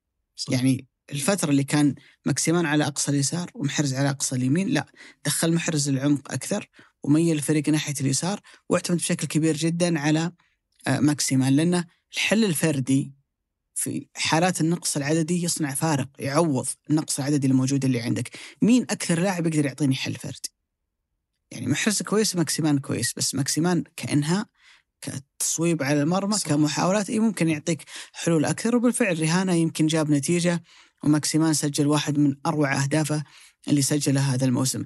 من التفاصيل اللي, اللي كمان تنذكر في المباراة أبو عالية أنه لما أنت ينطرد من عندك لاعب يحاول كثير من اللاعبين لعيبة الخبرة اللعيبة القياديين أنهم يضغطون على الحكم من أجل طرد لاعب أو موازنة الكفتين ما, ما بين بعض. الفتح إلين طرد سعيد بعطية. ما أخذ كروت في الفتح إلا أصغر لاعبين سنا اللي تم التركيز عليهم اللي هم سالم النجدي الظهير الأيسر عمره 21 سنة وسعيد بعطيه الظهير الأيمن عمره 23 سنة وسالم نفسه ترى كان ممكن ينطرد. صح.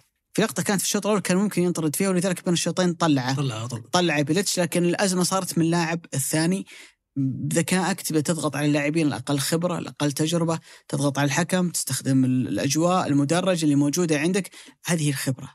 هذه الشخصية القيادية اللي تكون موجودة عند بعض اللاعبين واللي موجودة قطعا عند عدد من لاعبي الأهلي. أعتقد إنه إذا أنت تأخذها كنتيجة في جدول الدوري بتقول هي نقطة أنا ضيعت نقطتين على ملعبي لكن فعليا بسيناريو المباراة اللي صار أعتقد إنها واحدة من أكثر المباريات اللي المشجع الأهلاوي بيطلع منها وهو راضي مش على النتيجة.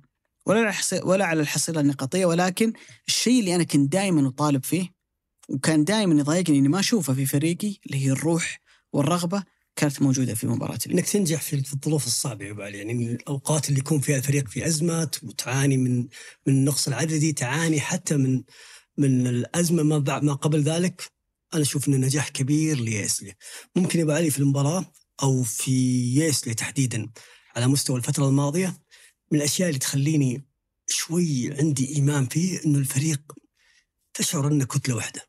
تشعر وكأنه يعني صوتهم واحد في في المباراة. فهذا الشيء اللي جالس يسويه يايسله على مستوى كتلة الفريق جدا رائع. اعطى شعور للاعبين أو خلينا نقول آه تحفيز للاعبين إنك تأدي فوق ال level الطبيعي وفي نفس الوقت تستقبل هدف في آخر الوقت اللي هو الشوط الأول ترى من أسوأ الأهداف اللي ممكن تستقبلها. حتى لما ترجع الشوط الثاني صحيح. أنت ناوي تقول كلام معين الإحصائيين عندك أو ال data عندك مفرغة لقطات معينة على شيء معين فجأة تلقى نفسك تكلم كلام مختلف كلام ثاني ويوديك لمسار ثاني. صحيح إنه منافسك اللي ممكن ياخذ عليك المركز الثالث اتحاد تعثر.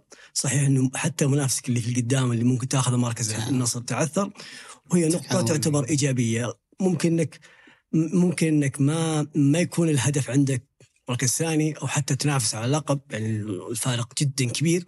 ولكن مثل هالنوع من المباريات قادره أنها تخلق فريق خلينا نقول بشخصية قوية في السنوات القادمة. ودائما المباريات اللي مثل هذه هي تصنع الشخصية. لما تفوز في الديربي تفوز على الهلال تفوز على النصر وأنت في أول موسم ما بعد يلو فأعتقد إنك رايح إن شاء الله في اتجاه إنك تنافس. وأعتقد إنه يسلي ما أعرف صراحة هل المشكلة فيه ولا لا من ناحية الأخطاء اللي في الدفاع هذه. يعني ما أعرف كيف جالسة تصير هذه القرارات من اللاعبين. لا على مستوى ال- الأهداف لا على مستوى ال- الباصات الغلط لا على مستوى الأسيست. يعني أم- يعني أخطاء خلينا نقول يعني بدائية. ما ينفع تصير أبو علي بس كمها كبير. هذا اللي مستغرب منه كمية أخطاء أبو علي بصراحه ما ما لها يعني ما لها تفسير منطقي. يعني الشيء النمط إذا تكرر دائما إذا شفت نمط شيء جالس يتكرر تقول إنه في مشكلة. بس مستحيل ان ياسر جالس يقول لهم العبوا بهذه الطريقة أو. اخط بهذه الطريقة. على العموم آه مباراة مثالية للأهلي. وخليني أقول إني أنا من الأشخاص اسجل هذا الكلام علي جيدا. أعتقد ان لو كمل الموسم القادم ممكن يشوف أهلي مختلف تماما عن الاهلي جالس يشوف هذا الموسم. ليش أحس إنك دايم عندك شك إنه يسلى بيكمل؟ لأن عندي شك إن لعيبة الأهلي أصلا بيكملون لعيبة بكبرهم. لا كلهم ولا؟ لا لا عدد يعني منهم. عدد منهم. إيه، هذا تغيير؟ شيء يعني بيحدث لم لم يكن حدث بالفعل يعني. مم. يعني مو كلهم كلهم توهم جايين في الصيفية لا لا مو. مو مو كلهم علي خير. لا أقول كلهم الثمانية توهم جايين في الصيفية الأخيرة. بس فاذا أنت بتغير بتغير لاعب هو فعليا ما له سنة معك. آه، غالبا بتغير ثلاث لعيبة لاعبين ثلاث ثلاث لعيبة مم. بتغيرون في الأهلي وغالبا خلينا نقول إنه إنه بعضهم بيروحون لأندية آه، يرغبون بالتعاقد معهم يعني ما بتكون صفقة. لو أنا تخلصت منك لا هم فعلا. يرغبون وفي لعيبة زي ما أنت عارف يعني ما يشاركون كثير ولا يلعبون كثير وكمية اصاباتهم كثيرة فأعتقد إنه الاستغناء عنهم أفضل من بقائهم لأنهم يعتبرون شيء سلبي زائد إن عندك لاعب زي فيجا أقل من 21 سنة فهو يعتبر لاعب استثمار فأنت already. عندك اسم ممكن تضيفه فأعتقد إنه موسم قادم الاهلي حتى على صعيد الصفقات المحلية بيكون بيكون كبير جدا للاهلي أنا أرجع وأقول الكلام اللي قلته سابقا. أنا ما راح أكشف عن الأسباب لكن أبو عاليه إذا أعطاكم معلومات عن الأهلي خذوها على محمل الجد. على العموم أبو عاليه آه خلال الأسبوع هذا أعلن اتحاد قرارات كلها في يد الرئيس التنفيذي الجديد مم. الرئيس المدير الرياضي اللي تم أبو تعيينه شغل. لا، ما له شغل. أيوه. خلال الأسبوع هذا أعلن الاتحاد السعودي عن خبر يمكن يبدو بالنسبة لكثيرين أنه عادي. لكن أنا بالنسبة لي والناس المتعمقين في اللعبة ابدا ابدا ما هو بعادي. غير عام لما أعلن الاتحاد السعودي عن منصة SAFF Plus اللي راح تلعب دور كبير جدا في تطوير كثير من المواهب واكتشاف كثير من مواهب كرة القدم خلال الفترة القادمة. عشان نشرح الموضوع ببساطة أبو عالية اليوم دوري روشن للمحترفين ينقل حصريا على قنوات SSC دوري يالو ينقل حصريا على القنوات الرياضية السعودية. الدوري النسائي ممكن ينقل لكن بقية منافسات كرة القدم في السعودية لا يتوفر لها نقل تلفزيوني. لما تقول ما يتوفر لها نقل تلفزيوني في الزمن المعاصر هذا معناته أن لاعبك علشان تشوفه لازم تروح تشوفه في الملعب. سواء كان لاعب كبير سواء كان موهبة صغيرة سواء كان لاعب معار تبغى تشوف مدى تطوره. يا سيدي تبغى تشوف أسلوب مدرب شاب توه خذ الاي مثلا وبادي من فريق درجة ثانية تبغى تشوف شغل الفني تسمع إنه عنده منهجية جديدة قاعد يجيب فكر جديد. يا رجل لو قلنا بعد خمس سنوات كسر الدنيا وصل إلى دوري المحترفين تبغى تشوف الأرشيف حقه؟ هذا كله ما هو موجود. حكام تقيمهم حكام, حكام الكل. هذا كله ما هو موجود. ليش؟ لأن المباريات هذه ما يتم نقلها ولا يتم تصويرها. الاتحاد السعودي حاول يعمل حل أنا أشوف أنه صراحة ممتاز جدا. أنه عنده تقريبا الملاعب اللي تلعب عليها المنافسات الرياضية عندنا في السعودية ما يقارب 140 ملعب. المرحلة الأولى حاليا اللي تم إطلاقها 65 ملعب تم تثبيت فيها كاميرات. الكاميرات هذه لديها قدرة أنها تصور بزوايا واسعة. الكاميرات هذه تعتمد على مستشعرات تقدر تتابع الكورة وين ما تروح الموضوع ما في مخرج ما في كاميرا مان.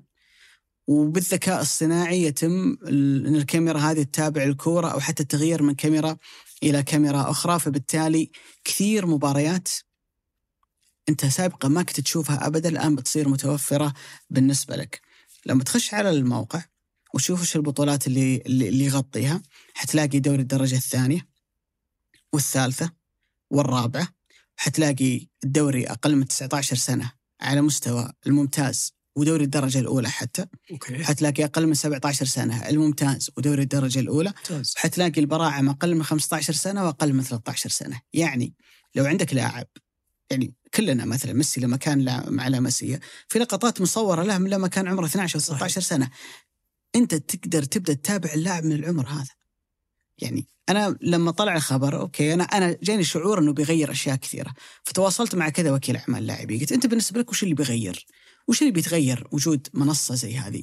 قال أنا أقدر أتابع اللاعب من من بداياته. أنا أقدر أتابع بكرة دوري ال- الممتاز براعم 13 سنة أتابع وأبدأ أركز على كذا لاعب أنا أعتقد انهم إنهم يعني عليهم العين وممكن إنهم يكونون استثمار حقيقي بالنسبة لي في الفترة القادمة، لما يصير عندي لاعب مثلا يلعب اليوم وأقدر اقنع إنه يروح يلعب في دوري ثاني دوري أقل أقدر اقنع لأنه دوريك أنا بقدر أتابعك بقدر أشوفك ماني مضطر اقعد أسافر وراك كل مباراة. نفس الكلام ينطبق ممكن على الحكام على المدربين زي ما قلت شباب. أبو علي. الشيء الإضافي أنه هذه التغطية أو هذا التصوير مربوط أيضا أيضا بذكاء صناعي. تقدر من خلاله تطلع داتا وبيانات كثيرة جدا آه، خرائط حرارية إحصائيات دقيقة جدا للاعبين وللأندية ولكن هذه بتكون في المرحلة الأولى متوفرة للأندية ما راح تكون يعني متاحة للعامة. أو حتى لوكلاء أعمال اللاعبين. الشيء الجميل أبو عالية إنه من خلال هذه الخطوة بيكون عندك أرشيف مهم جدا لكل المنافسات اللي موجودة عندك. تقدر تتابع من خلالها زي ما قلت لك موضوع تطور اللاعبين. والأهم بالنسبة لي أنت الآن وفرت المادة الخام. المادة الخام هذه يقدر كل واحد يشتغل عليها بطريقة مختلفة. بمعنى لو أنا عندي مثلا ما أدري إذا يجيك نفس ال- الطلب أبو علي أنا يجيني كثير. كلمني واحد. يعرفني بشكل شخصي أو يتواصل معي مثلا في السوشيال ميديا يقول لي يا أبو علي يا أخي عندي ولد أخوي ولا ولدي فنان. فنان ورهيب يا أخي كلم لي وكيل أعمال اللي يجي يتابعه ويضبطنا بعقد مع أحد الأندية. طيب أقول له طيب ولدك هذا اعطني مقاطع له خلني أشوف قال يا أخي يلعب دوري براعم. أو دوري براعم ما يتصور. الله يحييك المباراة الجاية المباراة الجاية مدري وين تعال شوفها ممكن تقدر لا لكن الان بضغطه زر. أنت تقدر تشوف المباراه لما أقول لك وفرت المادة الخام يقدرون اللي هم مكتشفي المواهب وفي حسابات كثيرة موجودة في يوتيوب. يعني تلاحق المواهب من لما يكونون في أعمار صغيرة يقدر يقص له أفضل أفضل اللقطات ويعملها لك في كليب. صح. أنا ماني مضطر أتابع خمس ست مباريات ممكن تسوي لي كليب أقدر أعرف إن الولد هذا عنده شيء استثنائي. أقدر أبين لك إن اللاعب هذا اللي موجود اليوم في دوري الدرجة الثانية هو استثمار حقيقي ولد عمره مثلا 15 سنة 16 سنة. يلعب مع فريق أول لاعمارهم يمكن 25 أو 30 سنة معناته عنده شيء استثنائي اليوم اللاعب اللي مكسر الدنيا بلينغهام وين كان يلعب؟ آه، من وين جابوه؟ جابوه من آه، برمنغهام يلعب Championship أو الدرجة اللي أقل منها. لعبوا رقم الحين إي إي ليش؟ لأنه وش اللي كان استثنائي عند بلينغهام؟ إنه كيف إنه في العمر الصغير هذا يقدر يلعب فريق أول ويكون بهذا الحضور. تأثير تخيل لو أنت عندك ولد قالوا لك والله في واحد عمره 16 سنة يلعب مع فريق درجة ثانية بس فنان قيادي. فنان ومعطينا الكابتنية و... لازم تروح ملعب عشان تشوفه. صح. الحين أصبح بإمكانك إنه أنت تتابع كل شيء. وأرجع أقول لك أنت وفرت مادة خام. الناس اللي تشتغل على تق- يعني تجزئة المقاطع بيقدرون يسوونها منها. المواقع العالمية ترى زي Wyscout InStat سابقا قبل أن يتوفاها الله كانت كلها شغالة بالطريقة ذي. وياخذ المادة الخام وبالذكاء الصناعي يقص لكل لاعب تمريراته يقص عمليات الضغط العالي ي- يبدأ يرتبها لك زي الفايلات. أنت لما توفر المادة الخام بيجي بعدك ناس كثير بتشتغل عليها بما يخدم. مصالح الكلام اللي قلناه يا أبو عالية لما طلع المنتخب السعودي من كأس أمم آسيا لابد أن نشتغل أكثر على اكتشاف المواهب. صحيح. لما يكون عندي أوسع دائرة الاختيار بدل ما أبدأ أدور على موهبة بين 50 لاعب أدور بين 500 فرصة أني ألاقي بين 500 ألف أكثر من لما أدور بين 50 أحد أهم العوامل اللي بتساعدك على اكتشاف المواهب في أعمار صغيرة وإنك تلقط حتى المدربين اللي عندهم أفكار جديدة واللي يبدون يبنون لهم مدارس وهويات فنية تستحق المتابعة والاهتمام هو إنك توفر مكان تقدر تشوف فيه كل المباريات اللي هم جزء منها. أعتقد إنه خطوة ممتازة جدا من الاتحاد السعودي. واحد من المشاريع التطويرية. الناس كلها ترى تناظر المنتخب إيه. تناظر المسابقات تناظر الجدولة لكن في أشياء تحت. تحت. ما حد هو يبدو لك كما لو أنه خبر عادي إن اليوم وجود منصة Plus ترى زي فيفا Plus إنه okay تجاري هو بيعرض فيه. خليني أسألك سؤال. هو ممكن ترى أبو علي يعرض فيه وثائقيات مباريات المنتخب اللي ما لها ناقل ترى ممكن. بس دوره الأساسي إنه يوثق ويأرشف كل ال- المباريات اللي تلعب على مستوى الاتحاد السعودي يعني خليني أسألك سؤال أبو علي أنت تعرف وين كان محرز يلعب قبل ما يجي ليستر سيتي وقبلها وقبلها. كان يلعب في دوري في دوري الدرجة الرابعة تقريبا في في فرنسا أو في فرنسا، ما أي. أعرف بالضبط نفس الكلام فاردي خويه فاردي فاردي نفس. في كلوزا كان في قرية صغيرة في مدينة في الم... لا يمكن إن بيجي واحد بيشوف والله لا يمكن مم. فما بالك في- مكان في جنوب المملكة العربيه السعودية جيزان ابو عريش صامطه. هذه هذه هذه المدن خلينا نقول اللي طلعت ترى ترى نجوم كثير للمملكه العربيه السعودية ومع ذلك ما شفنا نادي منها يلعب في دوري الدرجة الممتاز السنوات الماضية صحيح. هذا شيء خلينا نقول عبء كبير وفي نفس الوقت اللي يبغى يسافر أو يبغى يحضر أو يبغى يشوف. مباراة من. هذا النوع حتى ما يكون عنده الحافز السعودية مساحتها. ال- رغبة الكشاف إنه يكتشف. مواهب ما بتكون ذيك العالية لأنه لو جاب تقرير. يا شيخ من ألف صفحة وعرضه على نادي. معين فلاني وقال له هذا لاعب مو طبيعي اشترى ولا. ما راح يشتري عندك مقاطع. عندك أرقام عندك داتا ولا ما راح يشتري فهذا الشيء خلى وهذا سبحان الله يعني وكان الاتحاد السعودي جالس يقرأ أفكاري. كنت قبل أسبوع أتكلم عن تقرير اسمه مقلة العين، هذا التقرير هي منصة عملها رجل دن- دنماركي يقول أنا كنت أكتشف مواهب، كل ما حاولت أكتشف موهبة آه، أعطيها الانديه يقولوا يجيب لي مقاطع، وما يجيب لك. مقاطع؟ ما المباريات دي ما تعرض، ما تنشاف، ما حد يشوفها،. فيقول لقيت إن Wyscout على سبيل المثال يعطيني الفرق الأولى وباقي المواقع الثانية ما حد يعطيني فئات الشباب الناشئين. ما ما في. فيقول قلت بجيب جهاز موجود فيه ترى أي شيء يتصور ترى ال InStat يعني نقول قبل أن يتوفى الله الموقع خلاص قفل شروا Wyscout.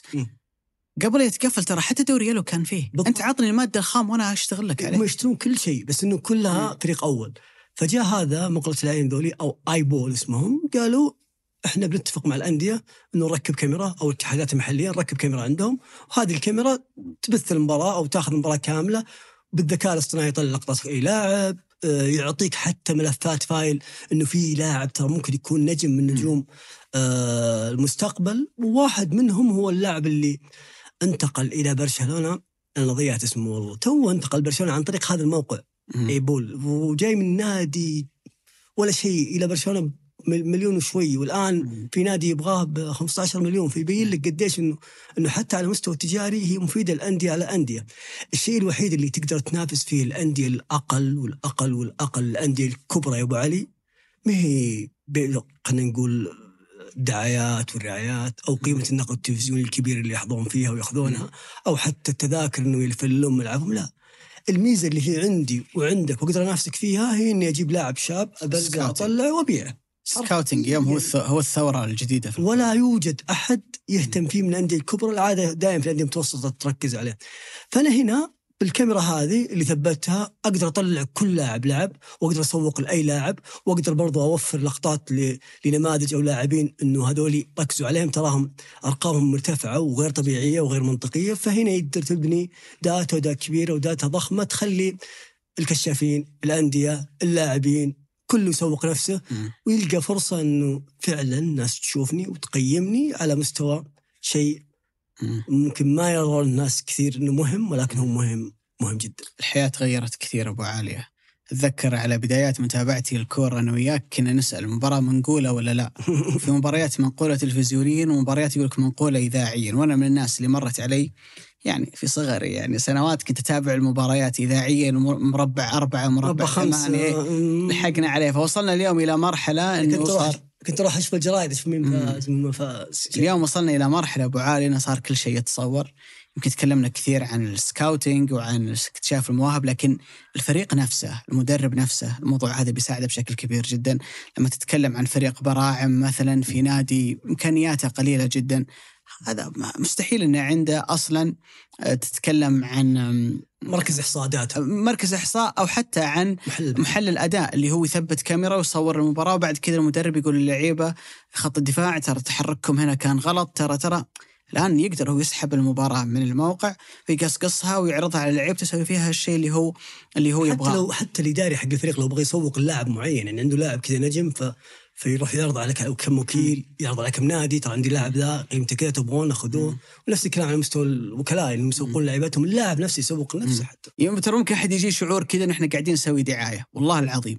والله. إني أنا شخصيا أكون مسرور جدا لما أشوف أي عمل تطويري ممكن ياخذ كرة القدم السعودية إلى بعد آخر. بالضبط. التطور الكبير اللي قاعد يصير عندنا ترى مش مجرد لعيبة كبار ودوري قوي في أشياء كثيرة قاعدة تصير بس ترى ما ما يسلط عليها الضوء. ليش؟ لأنها ما هي جماهيرية. ممكن ما فيها جانب إثارة. ممكن ما فيها شيء كذا مشوق إن أنت تتكلم عنه. لكن اللي يبحث عن التطوير وإن كرة القدم في البلد تصير أحسن في أشياء كثيرة قاعدة تصير بس ترى ما, ما, ما, ما يسلط الضوء. نجهر ما عليها مو عليها. دائما نجهر الأشياء اللي تجيب. تجيب خلينا نقول آه، جماهيريه تجيب صوت تجيب لك قيمة تجيب لك آه، retweet كثير. لا بس آه، على مستوى هذه التقنية أبو علي أنا قبلها بأسبوع ترى كنت قاعد أتكلم عن Eyeball ذي في ال Snap. وما كنت والله أدري. فجأة مطلع على الخبر قلت لي شكلهم غاشين. بعدين قلت مستحيل إنهم سواه في أسبوع واحد. فهو مش مفيد لي أنا وأنت أبو علي. خلينا من صحيح. هي مو هو مفيد للعيبه الصغار دول. اللعيبه. والكشافين. أكيد. ألقى مكان أنا أثبت فيه. نفسي. أنا ودي أسألك سؤال يا بعد. أسأل آه، من تعتقد الفريق الصاعد للدور الثاني من بطولة آسيا؟ النصر العين المفروض تسألني. بين ذهاب والإياب مو بالحين. عندنا حلقة؟ عندنا حلقة بإذن الله تعالى بعد مباراة الذهاب. آه، بتكون إن شاء الله بعد مباراة الهلال والاتحاد. نتكلم فيها عن النصر والعين والهلال والاتحاد. ولكن كذا مبدئيا أنا أنا أروح مع هلال النصر نصف نهائي. آه، أتوقع إني آه، أميل معك أميل معك لا متفق معي الحلقة ذي إيه، يميل إلى حد ما. مو شكرا لك أبو علي. حياك الله يا أبو علي. شكرا لكم وشكرا لمحمد الفوزان في إعداد وإنتاج هذه الحلقة عبد الرحمن عبود في التصوير يوسف إبراهيم في التسجيل والهندسة الصوتية وفي نسخ المواد عبد الرحمن الصوفي في التحرير مرام الضبيبان وفي التلوين أحمد سالم في إدارة الإنتاج عبد المجيد عمر وفي إدارة محتوى التواصل الاجتماعي أحمد غالب. هذا بودكاست مرتدة أحد منتجات شركة ثمانية للنشر والتوزيع. نلتقيكم بإذن الله تعالى في حلقة وسط الأسبوع بعد مباريات دوري أبطال. آسيا